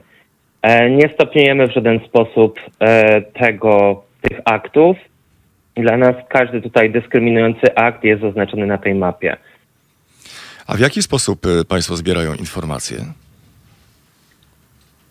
E, przeszukując internet, przeszukując e, biuletyny informacji publicznej, e, doniesienia medialne, ale także sami wyszukujemy. Często to jest na przykład jakaś inicjatywa lokalna albo jakiejś organizacji, która i wtedy na przykład wiemy, że coś takiego jest zebrane i wtedy z jednej strony zaznaczamy wtedy na mapie na żółto, że w tym, w tym rejonie, w tej gminie, powiecie, województwie istnieje szansa na to, że taka deklaracja zostanie przyjęta oraz informujemy e, jakichś aktywistów, działaczy, media. A bywa tak, że ludzie sami z siebie piszą do państwa i mówią, u nas też jest coś takiego? E, tak. E, natomiast e, w tym momencie jest też tak, że większość, że ten tempo przyjmowania uchwał w zasadzie wygasza. Więc istnieje duża szansa, że wiele już tych takich deklaracji nie powstanie, więc w tym momencie po prostu to, ta mapa odzwierciedla te, które zostały przyjęte. Od kiedy Państwo prowadzą Atlas Nienawiści? Bo zmierzam do tego, że gdyby Państwo wyrysowali taką krzywą od momentu powstania, to czy ona na początku gwałtownie idzie w górę, a potem łagodnie opada? Czy poszła w górę i nieustannie znajduje się na tym samym poziomie, czy może nieustannie idzie w górę? Dobrze, więc e, monitorujemy mniej więcej od początku. E, początek miał miejsce, pierwsze uchwały miały miejsce 27 marca 2019 roku. Było to w województwie lubelskim.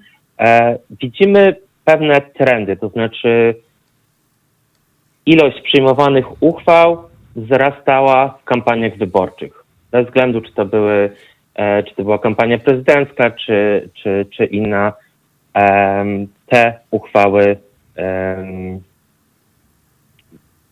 częstość przyjmowania była większa. A teraz? E, w tym momencie są to pojedyncze przypadki. coraz częściej radni decydują się na to, żeby odrzucić takie uchwały. Być może boją się konsekwencji, e, na przykład odpowiedzi miast partnerskich, czy e, utraty finansowania, czy to z funduszy e, norweskich, czy z Unii Europejskiej. No tak, jest przykład y, Kraśnika, dla którego podjęcie takiej uchwały LGBT oznaczało utratę 10 milionów złotych. To już boli. Tak, no to, tak boli, natomiast y, tutaj trzeba zaznaczyć, że to były decyzje polityków, to nie były decyzje mieszkańców. E, to nie mieszkańcy są homofobiczni, mieszkańcy bardzo często e, protestowali przeciwko przyjmowaniu takich deklaracji. A zdarzyło się tak, że jakaś gmina podjęła taką ustawę anty-LGBT, a później po y, umieszczeniu na, w Atlasie Nienawiści, kiedy się o tym dowiedzieli, y, to wycofali się z podjęcia tej decyzji, albo podjęli uchwałę, że w drugą stronę, że jednak, że nie, że teraz już y, chcemy, żeby było otwarte dla wszystkich tak, jak być powinno. Mm, Niestety samo umieszczenie nie, nie, e, nie przekonuje tutaj um, włodarzy samorządów. E, jedynym przypadkiem, który tak znamy, to jest właśnie Karaśnik, który planuje się wycofać z tej uchwały. A zdarzają się głosy takie, że, że Państwo dostają sygnały, nie róbcie tego Atlasu Nienawiści, co to w ogóle jest i do czego to jest podobne? E, tak, to znaczy przede wszystkim jesteśmy oskarżeni o naruszanie dobry, dóbr gminy, tak, że to przez nas na przykład gmina traci jakieś dotacje. Przy czym to nie jest w żaden sposób nasza wina. E, każdy, kto jest zainteresowany tym, jak to wygląda na mapie, na stronie atlasnienawiści.pl można kliknąć dowolny region i odnieść się do treści uchwały i projektu. E, I często jest tak, że te samorządy, na przykład, które, e, że te miasta partnerskie, które zrywały partnerstwo, choć tak naprawdę je zamrażały, to przeglądały dokładnie treść tej uchwały e, i na przykład dawały jakieś sygnały ostrzegawcze tym samorządom, że proszę wycofajcie się z tej uchwały, e, albo nasza współpraca zostanie zamrożona. E, natomiast często te, te, mm, te deklaracje też nie powstrzymały, czy nie zmieniają zdania radni po takich deklaracjach. To ciekawe, dlatego że z jednej strony, z jednej strony na skutek samej publikacji oni nie zmieniają treści uchwały i nie przywracają stanu normalności, ale z drugiej, a z drugiej strony mają do państwa pretensje i państwa oskarżają o to, że na skutek opublikowania w Atlasie Nienawiści to oni tracą pieniądze. To już w ogóle, ja już nic kompletnie z tego nie rozumiem. Tak, dodatkowo jeszcze um, pięć gmin zapowiedziało pozew wobec Atlasu Nienawiści, wobec e, aktywistów e, o właśnie naruszenie dóbr, e, żądając między innymi e, 20 tysięcy złotych od, od, od każdego powiatu oraz przeprosin na tle Parlamentu Europejskiego. Coś takiego. Mają państwo jakąś ochronę prawną? E, tak, ochronę prawną zapewnia między innymi no, głównie kampania przeciw homofobii. I jak prawnicy, prawnicy widzą tę sytuację, że y, y, straszą was pozwami? To znaczy, część z pozwów została już dostarczona. Em, natomiast y, też za wiele mm, nie mogę powiedzieć dla dobra sprawy. E, natomiast wierzymy, że ten absurd jednak zostanie w sądzie wyjaśniony i e, no, zarzuty zostaną oddalone. Znaleźli się Państwo naprawdę w doborowym towarzystwie, jeśli chodzi o tę nagrodę imienia e, Sacharowa. Bardzo gorąco gratulujemy, trzymamy kciuki i będziemy zaglądać do Atlasu Nienawiści. Mam nadzieję, że dożyjemy takich, takich chwil, kiedy w ogóle nie będzie potrzebny i czym się wtedy Pan zajmie? E, To jest pytanie, którym, które w zasadzie zadajemy sobie wszyscy. E, Co będzie potem, czym się zajmiemy. E, Natomiast na razie mamy co robić. Być może po prostu zaczniemy żyć jak e, inni ludzie. Bardzo gorąco dziękuję za rozmowę. Pan Kamil Maczugat, jeden z twórców Atlasu Nienawiści razem z nami. Dziękuję uprzejmie. To są Halo Aktualności.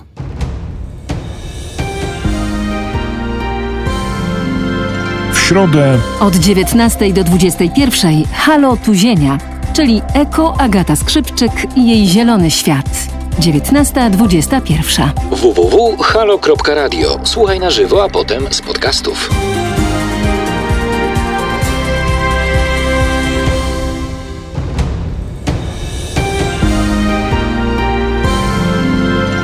w środę Od 23 do 1 polska prawniczka i nauczycielka akademicka. Doktora habilitowana nauk prawnych, profesora nadzwyczajna Uniwersytetu Warszawskiego i co w jej przypadku jest oczywiste, feministka Monika Płatek zaprasza na Halo Nocą wraz ze swoimi wyjątkowymi gośćmi. Od 23 do 1 w Halo Radio głos ma profesoressa Monika Płatek. www.halo.radio. Słuchaj na żywo, a potem z podcastów.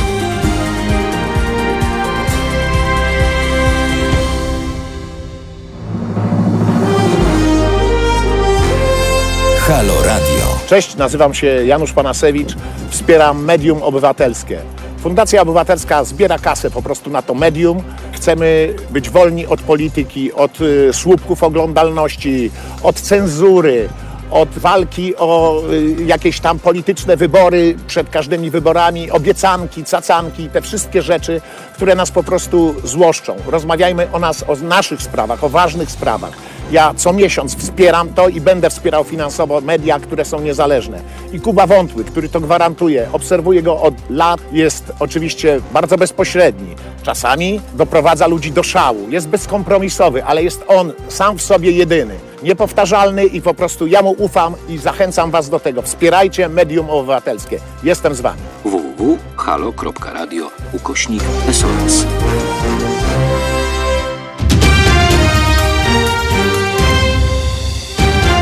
Słuchacie Halo Aktualności.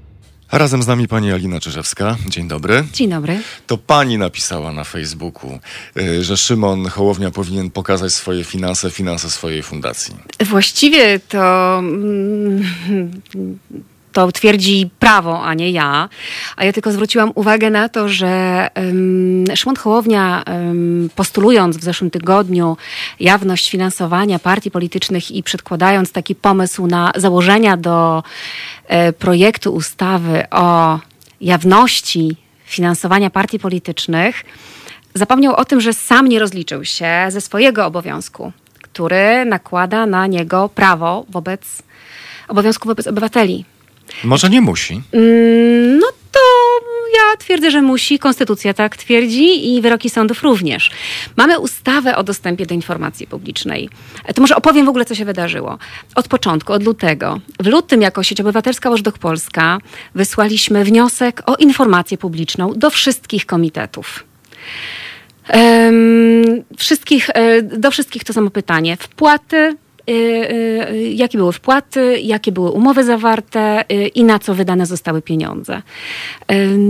Tylko komitet y, Kosiniaka-Kamysza odpowiedział nam, choć w niepełny sposób. Natomiast no, mm, wszystkie inne, co nas tak właściwie nie zdziwiło, bo jesteśmy przyzwyczajeni do tego, że ci, którzy zajmują się polityką, nie bardzo respektują nasze prawa. My też mamy jako sieć obywatelska Watchdog Polska długą historię bojów sądowych z partiami wszelkiej i prawej i lewej strony, i tych obywatelskich, i tych pseudoobywatelskich, demokratycznych, opozycyjnych, antydemokratycznych i tak dalej. Wszyscy, jeżeli chodzi o jawność, mają ten sam kłopot. Nie rozumieją jej i nie rozumieją tego, że prawo do informacji jest prawem człowieka.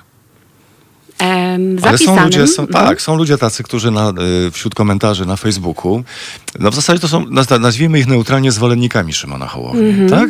I oni y, bronią tego pomysłu, żeby on nie pokazywał żadnych dokumentów, No, tak? To jest w ogóle zaskakujące, bo e, dokończę tą historię, która od stycznia, potem podawiliśmy wniosek w maju, e, ni- nic się nie wydarzyło, no i tutaj nagle Szymon Hołownia wyskakuje z pomysłem jawność partii politycznych, więc tylko delikatnie przypomniałam, że warto zacząć od siebie, bo inaczej to wygląda jawność, tak, ale nie my. Więc przypomniałam, że czeka wniosek, e, czekają do, e, e, nasze wnioski do rozpatrzenia i że czekamy na realizację tego, tego prawa. No i pojawiły się, znaczy to, co się wydarzyło, powiem szczerze, z mojego osobistego punktu widzenia, nawet kiedy pisałam o uchodźcach, doznawałam e, najazdu i nalotu prawicowych komentatorów, zwolenników prawicowych partii, to to nie był taki sam nalot, jak to, co doświadczyliśmy teraz w weekend, zmasowanego nalotu zwolenników Szymona Hołowni. Człowieka, który chce wejść do polityki, tworzyć nową politykę, mówi o nowych standardach, dużo mówi o obywatelach. Natomiast dzieje się to samo. Dzieje się, czyli tak, znowu jest do, y, wysyłany przekaz dnia. W tych wszystkich komentarzach, które są u nas na Facebooku, y, ten sam refren, ten sam ton nadany gdzieś tam z góry przemawia. I co za tym idzie? Totalne niezrozumienie prawa. Czyli to jest dla, jak dla mnie takie maglowanie umysłów po to, żeby przebić się z naszą narracją i im głośniej krzyczymy, im więcej nas krzyczy, to to jest takie przekonanie, że prawo będzie po naszej stronie. Nie, prawo jest. Problemem jest to, że ono jest nierozumiane przez obywateli i również przez tych, którzy zabierają się za politykę. I szansa, którą ma Szymon Hołownia, ażeby wyedukować swoich zwolenników, swój elektorat, swoich wyborców, opowiedzieć im, słuchajcie, jawność jest, korzystajcie z niej. Wysyła się wnioski w ten i w ten sposób. Kto jest zobowiązany? Również my jesteśmy zobowiązani, ponieważ my chcemy, startujemy w pewnym bardzo ważnym zadaniu publicznym. My sięgamy po najwyższy urząd w państwie, więc słuchajcie, jak się robi jawność? Tak. Pokazujemy karty, zaczynam od siebie. To jest coś, co powinien zrobić Szymon Hołownia. Jeżeli wchodził do polityki z nowymi hasłami, miał na to, nie musiał być przez nas pytany. Sam z siebie mógł również robić to, o co my zapytaliśmy, pokazywać wszystkie umowy i wszystkie wydatki. A po co? Po to, żebyśmy, bo jest narracja, my składamy do PKW, nie kłamcie z tymi terminami, e, do PKW e, e, jeszcze termin nie minął, tam wszystko sobie sprawdzicie. No drodzy Państwo, ale to już jest po wyborach. A ja chcę podjąć decyzję przed wyborami opartą na faktach. Ja chcę wiedzieć, na co są wydawane pieniądze wszystkich komitetów, żeby móc podjąć decyzję świadomą, a nie decyzję jak takie ciele sterowane przez kogoś z góry. Dlatego ja chcę wiedzieć, czy zostały kupione za te pieniądze y, wpłacane na kampanię jakieś, nie wiem, zlecenia na farmy botów, na specjalistów od manipulacji, czy na specjalistów od klimatu, od równości, od, um, um, od polityki społecznej. Ja chcę wiedzieć, na co wydawane są te pieniądze, ponieważ za chwilę powierzymy im jeszcze większe pieniądze i jeszcze większą decyzyjność. I ja chcę to wiedzieć, zanim oddam głos, a nie po fakcie dowiedzieć się, ojejku, byłam zmanipulowana. Mhm. To, że ten refren y, pojawia się wśród komentatorów, sugerowałoby, że oni dostali, zupełnie tak jakby y, przez, dostali wszyscy tego samego SMS-a i piszcie tak. tak to wygląda. Piszcie tak. To jest możliwe. To z technicznego punktu widzenia jest możliwe, prawda? Oczywiście, że, y, że jest to możliwe. Nie jesteśmy dziećmi. Wiemy, jak wyglądają kampanie, jak wygląda mobilizacja swoich ludzi, jaka jest y, walka y, jednych bojówek przeciwko drugim bojówkom. Bardzo częstym takim hasłem pojawiającym się w tych komentarzach, zabawnym i odzwierciedlającym też to, że w jakiej ogromnej bańce żyją właśnie zwolennicy jakiejś grupy. My zaczęliśmy być e, posądzani o to, że działamy na zlecenie innych partii i że tak bardzo nas ubodło, że chcemy rozliczać, znaczy ten projekt o jawności partii, że nas, watchdogów, to tak ubodło, bo my tak naprawdę nie chcemy jawności. Znaczy to już jest taki fikołek logiczny, że znaczy przypisywane nam jest takie podejrzenie, że my działamy na zlecenie na przykład Trzaskowskiego. E, co pokazuje, jak bardzo te bańki sycą się własnymi e, legendami, własnymi mitologiami i, i, własnymi wojnami, które toczą się w ich głowach, a one się nie toczą w rzeczywistości.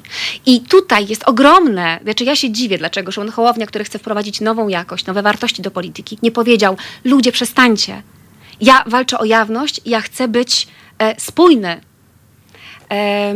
I ja to popełniłem błąd. Był, e, było zamieszanie podczas wyborów, nie ogarnęliśmy tego. Nasz błąd, ale teraz proszę, nie mamy nic do ukrycia.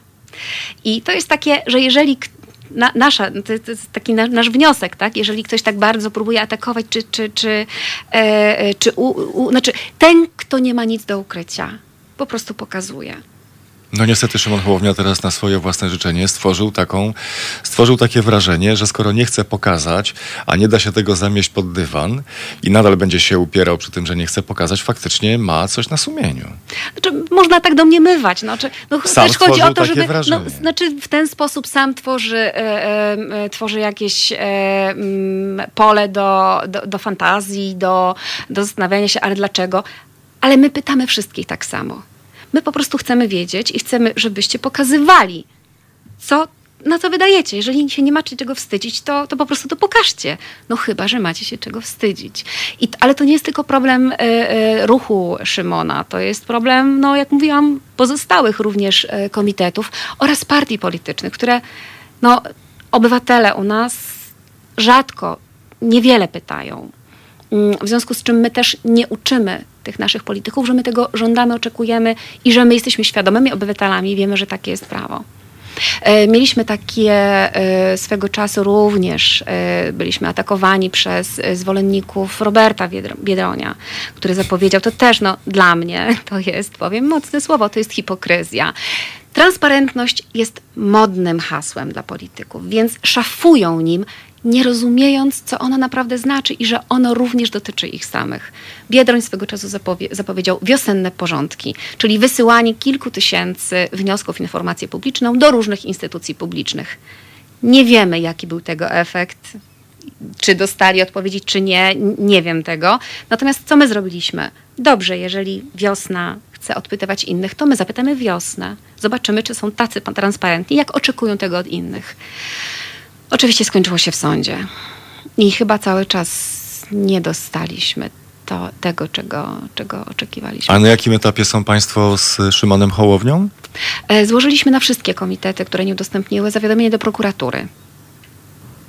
E, ponieważ e, nieudostępnienie informacji publicznej jest, e, jest przestępstwem z artykułu 23 ustawy o dostępie do informacji publicznej. A złożyliśmy to zawiadomienie, ponieważ postępowania sądowe są bardzo długie. I, a czas trwania tych komitetów jest krótki. E, I też dochodzenie czegoś przed sądem administracyjnym, kiedy e, potem są skargi, znaczy to są lata. To są lata i już dawno, e, mm, dawno nie pamiętamy, że jakaś kampania była i że to się wydarzyło i przychodzi wyrok, który już nie można zastosować. My chcemy i żądamy, i oczekujemy i bez tego nie może istnieć demokracja. Rozliczalności polityków tu i teraz. Inna atakująca, taka zarzucająca nam manipulację, narracja e, polega na tym, że no, my się sprawozdajemy do PKW i my, e, e, my jesteśmy ok z prawem. To wy manipulujecie. Znowu, jedna rzecz to jest obowiązek sprawozdania się do PKW i to jest obowiązek wobec PKW. Na podstawie, na podstawie ustawy, e, na podstawie kodeksu wyborczego. Natomiast obowiązek sprawozdawania się przed obywatelami jest obowiązkiem wobec obywateli na podstawie ustawy o dostępie do informacji publicznej, e, Konstytucji i e, Europejskiej Konwencji Praw Człowieka. To są dwie, dwa różne prawne obowiązki. Nie można obywateli, znaczy to jest też bezczelność, powiedzenie obywatelowi, my Twojego prawa nie z, y, mamy gdzieś Twoje prawo, Twoje uprawnienie, prawo człowieka. My poważnie traktujemy PKW i jak sobie złożymy do PKW, to wtedy możesz to poprosić to PKW, żeby Ci udostępnili, bo my, obywatelu, nie szanujemy Twojego prawa. To jest przekaz, który płynie z tych wszystkich komentarzy. Niepokojące jest też to, że mm, to, już właściwie jest taka pole dla socjologa. Podwójna, podwójne standardy.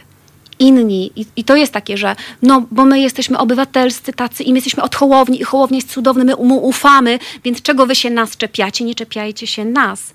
No ale za chwilę, no, to samo mówią wyborcy Biedronia, wyborcy PiSu, wyborcy Konfederacji. Każdy uważa, że ten nasz jest najuczciwszy.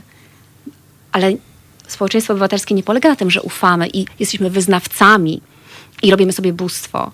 No, obywatele są najwyższą władzą zgodnie z artykułem 4 Konstytucji i jeżeli ja mam rzeczywiście wykonywać to swoje uprawnienie i rzeczywiście mieć tą władzę zwierzchnią, no to ja muszę być dla tych polityków, dla Szymona Hołowni kimś ważniejszym niż PKW.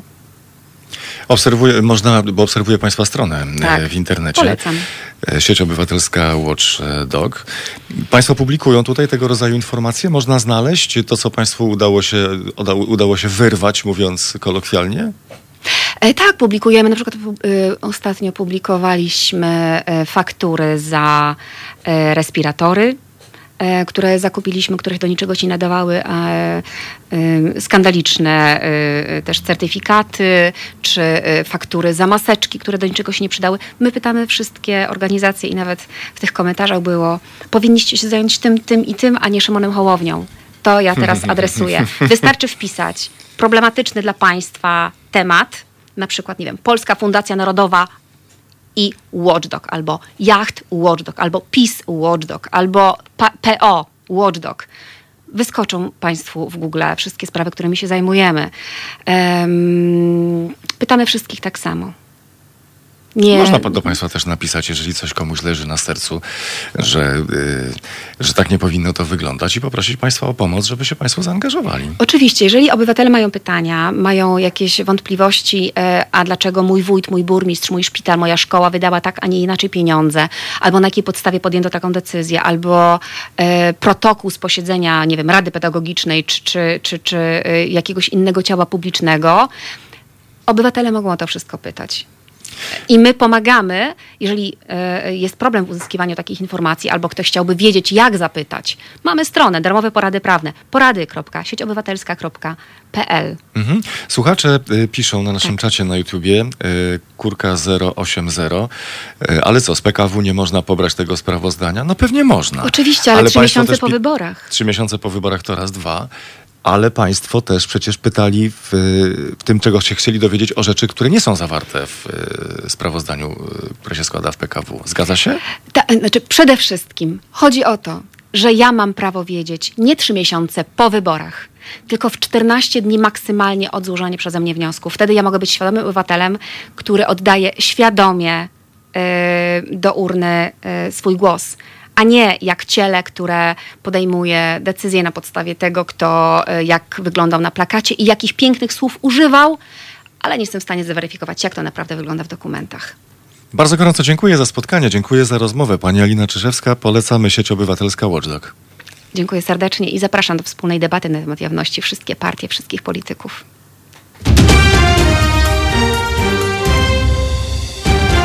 Słuchacie Halo Aktualności.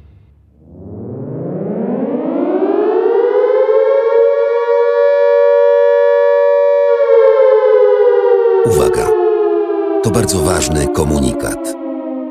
Nowa stacja na rynku internetowym, realizująca najtańszy format programowy, jakim jest muzyka z udziałem słowa, twierdzi, że na swoje utrzymanie potrzebuje 250 tysięcy złotych miesięcznie. My natomiast, czyli Halo Radio, realizujemy najdroższy format programowy, jakim jest TOK, gdzie słowo w postaci pogłębionych analiz i dyskusji zajmuje 90% objętości całodobowego programu. Mamy na pokładzie prawie 50-osobowy zespół i nadajemy swój program całą dobę w formacie audio i wideo. Potrzebujemy zaledwie 150 tysięcy złotych miesięcznie. Dotarliśmy dotąd do miliona Polaków, ale tylko 2,5 tysiąca z Was regularnie nas wspiera, co daje nam tylko 50 tysięcy złotych miesięcznie. To zdecydowanie za mało, by realizować program na bardzo wysokim poziomie, nie mówiąc nawet o rozwoju projektu. Przy tak niskim poziomie finansowania zaczynamy zmierzać do likwidacji radia. Wystarczy jednak, że zaledwie 3000 z Was przeznaczy na swoje Halo Radio po 50 zł miesięcznie. Wtedy nasz budżet zamknie się kwotą 150 tysięcy złotych miesięcznie. Tymczasem grozi nam zamknięcie drzwi na klucz i koniec walki o społeczeństwo obywatelskie. Nasze dziś i jutro zależą zatem wyłącznie od Ciebie. www.halo.radio ukośnik SOS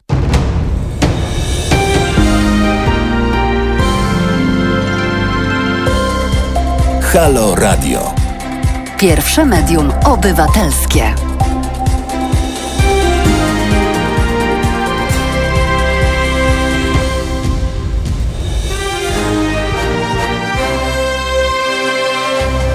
Od poniedziałku do piątku. Około południe należy do Państwa i do Wojtka Krzyżaniaka, czyli głosu szczerej słowiańskiej szydery. Od 10 do 13 wyrywamy chwasty i włosy z dupy każdego polityka. www.halo.radio. Słuchaj na żywo, a potem z podcastów.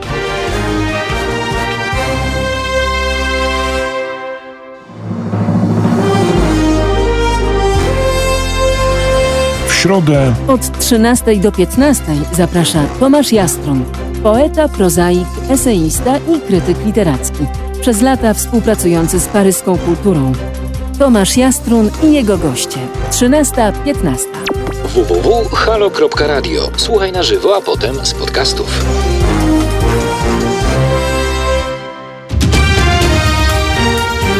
To są Halo Aktualności. 16.33, a decyzji nie ma. Rzeczniczka Prawa i Sprawiedliwości po spotkaniu władz partii mówi, podjęto decyzję o zdecydowanych rozstrzygnięciach. No chcielibyśmy się dowiedzieć, jakież to rozstrzygnięcia. Pan redaktor Jarosław Makowski razem z nami. Kłaniam się nisko. Kłaniam się Państwu. Ale już o Prawie i Sprawiedliwości chyba tak bezpośrednio nie będziemy rozmawiać, ponieważ umówiliśmy się na rozmowę na temat słów prymasa Polski, który w niedzielę powiedział między innymi krzyż nie jest orężem walki z tym światem, jak zaczynają myśleć niektórzy i szaleńczo nas w to wciągają. Krzyż nie jest orężem walki w imię krzyża, nie mamy innych pokonywać, ale zbawiać, ocalać od śmierci, nie odrzucać, nie dzielić, nie mówić, że pod krzyżem nie ma miejsca dla innych. Podobają się panu te słowa?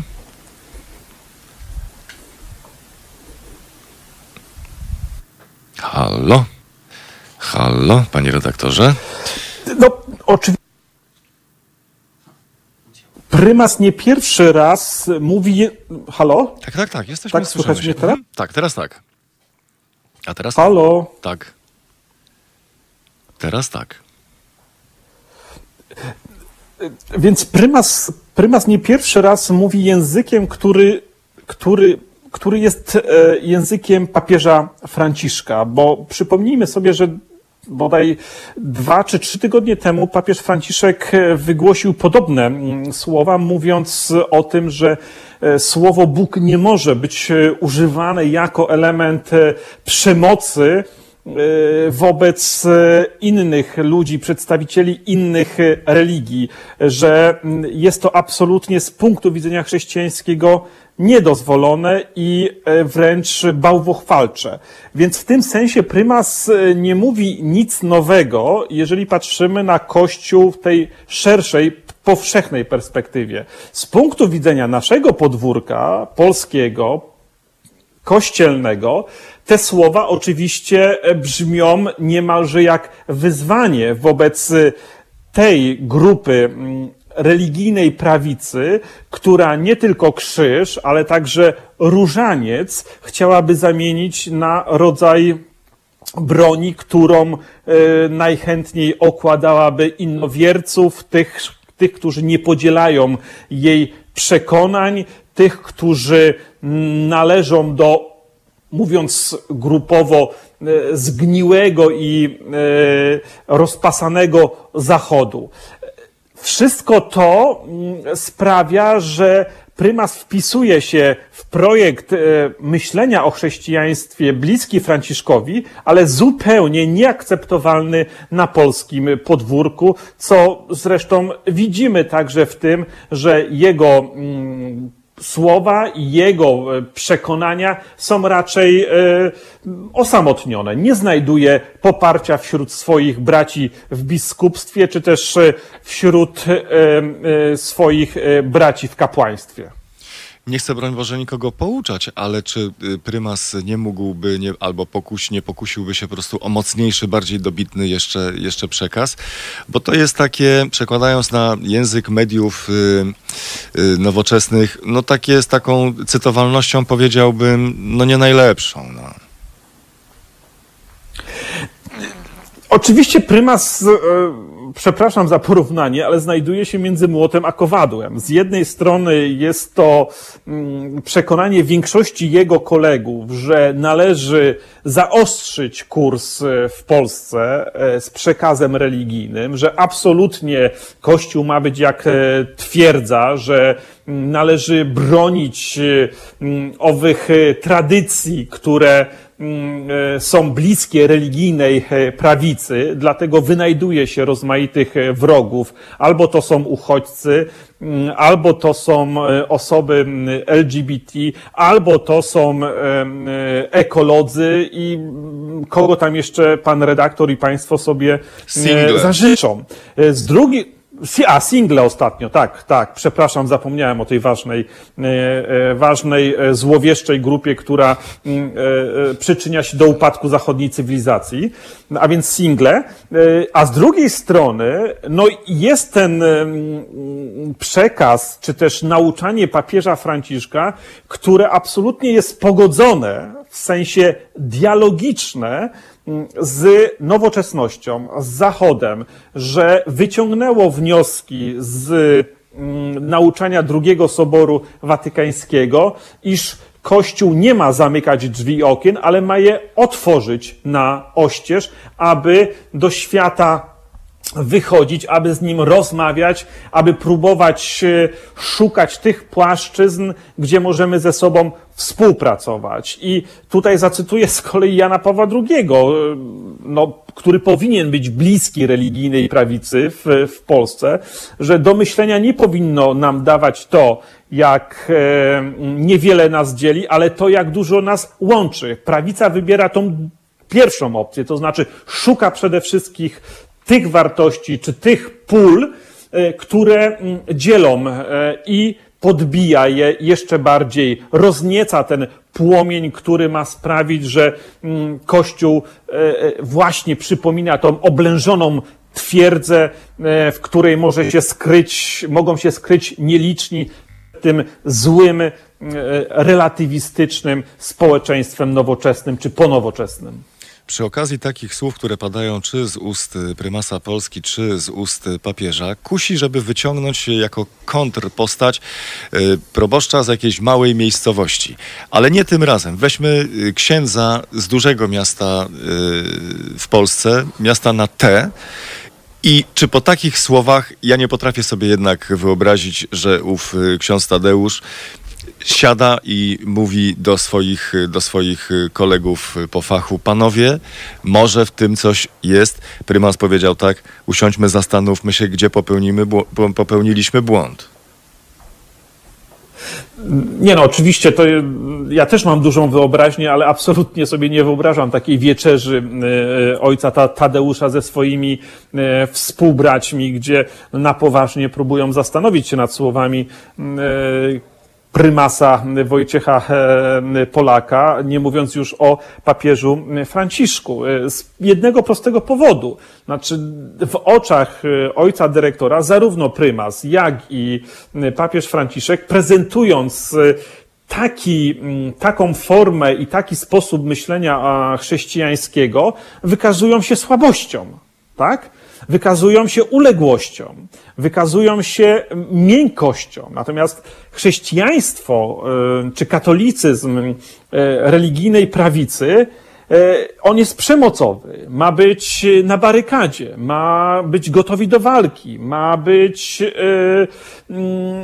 gotowy na poświęcenie. Być może przynajmniej w sensie e, semantycznej, językowej, nawet e, życia, prawda? E, oczywiście jest to męczeństwo na pluszowym krzyżu owych, owych bojowników, prawda, Maryi czy, czy Chrystusa. Niemniej to pokazuje, że, że można absolutnie wypaczyć przesłanie Jezusa Chrystusa. E, który wprost mówi e, do, do Piotra, żeby schował miecz, bo ten, kto mieczem wojuje, od miecza ginie. Chrześcijaństwo, które prezentuje Jezus z Nazaretu, woli niemoc niż przemoc, prawda? Stąd śmierć na krzyżu. Krzyż jest ostatnim elementem, symbolem do tego, żeby używać go y, do walki. Zresztą przypomnijmy sobie wyprawy krzyżowe, za które Jan Paweł II w 2000 roku przepraszał w imieniu Kościoła, że to było właśnie coś, mm, co można było określić wypaczeniem, zwyrodnieniem e, chrześcijaństwa i, i, i Kościoła. I dzisiaj powrót do tej formy przeżywania wiary i tej formy e, katolicyzmu naprawdę jest e, rodzajem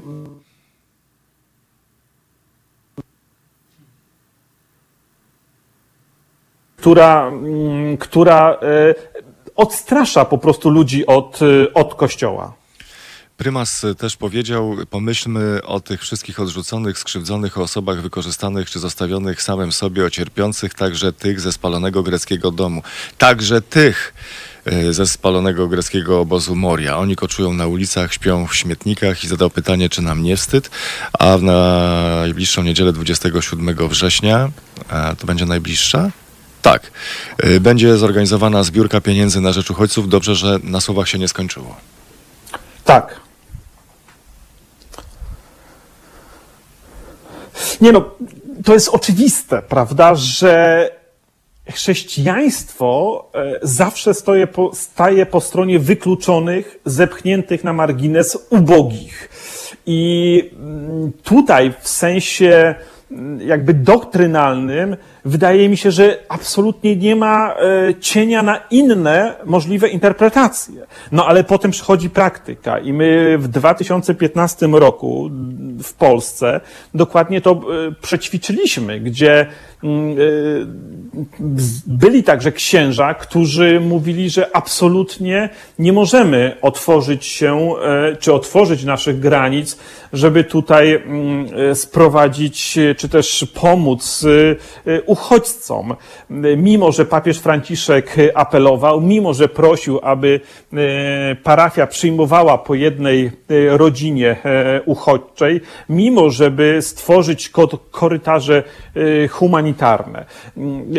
Dzisiaj ten temat wraca i w zasadzie jestem gotów no, obstawić, że e, część religijnej prawicy wykorzysta go politycznie, znów strasząc e, Polaków nadciągającymi obcymi, którzy walą do naszych e, drzwi, aby podważać nasze tradycyjne wartości, aby niszczyć naszą wiarę, czy niszczyć nasz Kościół. To jest oczywiście e, polityczna gra, która nie ma nic wspólnego z rzeczywistością, natomiast e, pokazuje jedno. e, Religia, e, w tym przypadku katolicyzm, ma legitymizować e, właśnie ten antyuchodźczy, mm, e, antyuchodźczą retorykę, no, która e, jest e, o tyle mm, obrzydliwa, że przecież w grę wchodzi tutaj najzwyczajniej w świecie ludzkie życie. Bardzo gorąco dziękuję za spotkanie i za rozmowę. Redaktor Jarosław Makowski. Dziękuję. Do widzenia. To były Halo Aktualności. Na kolejny program zapraszamy jutro o godzinie 15.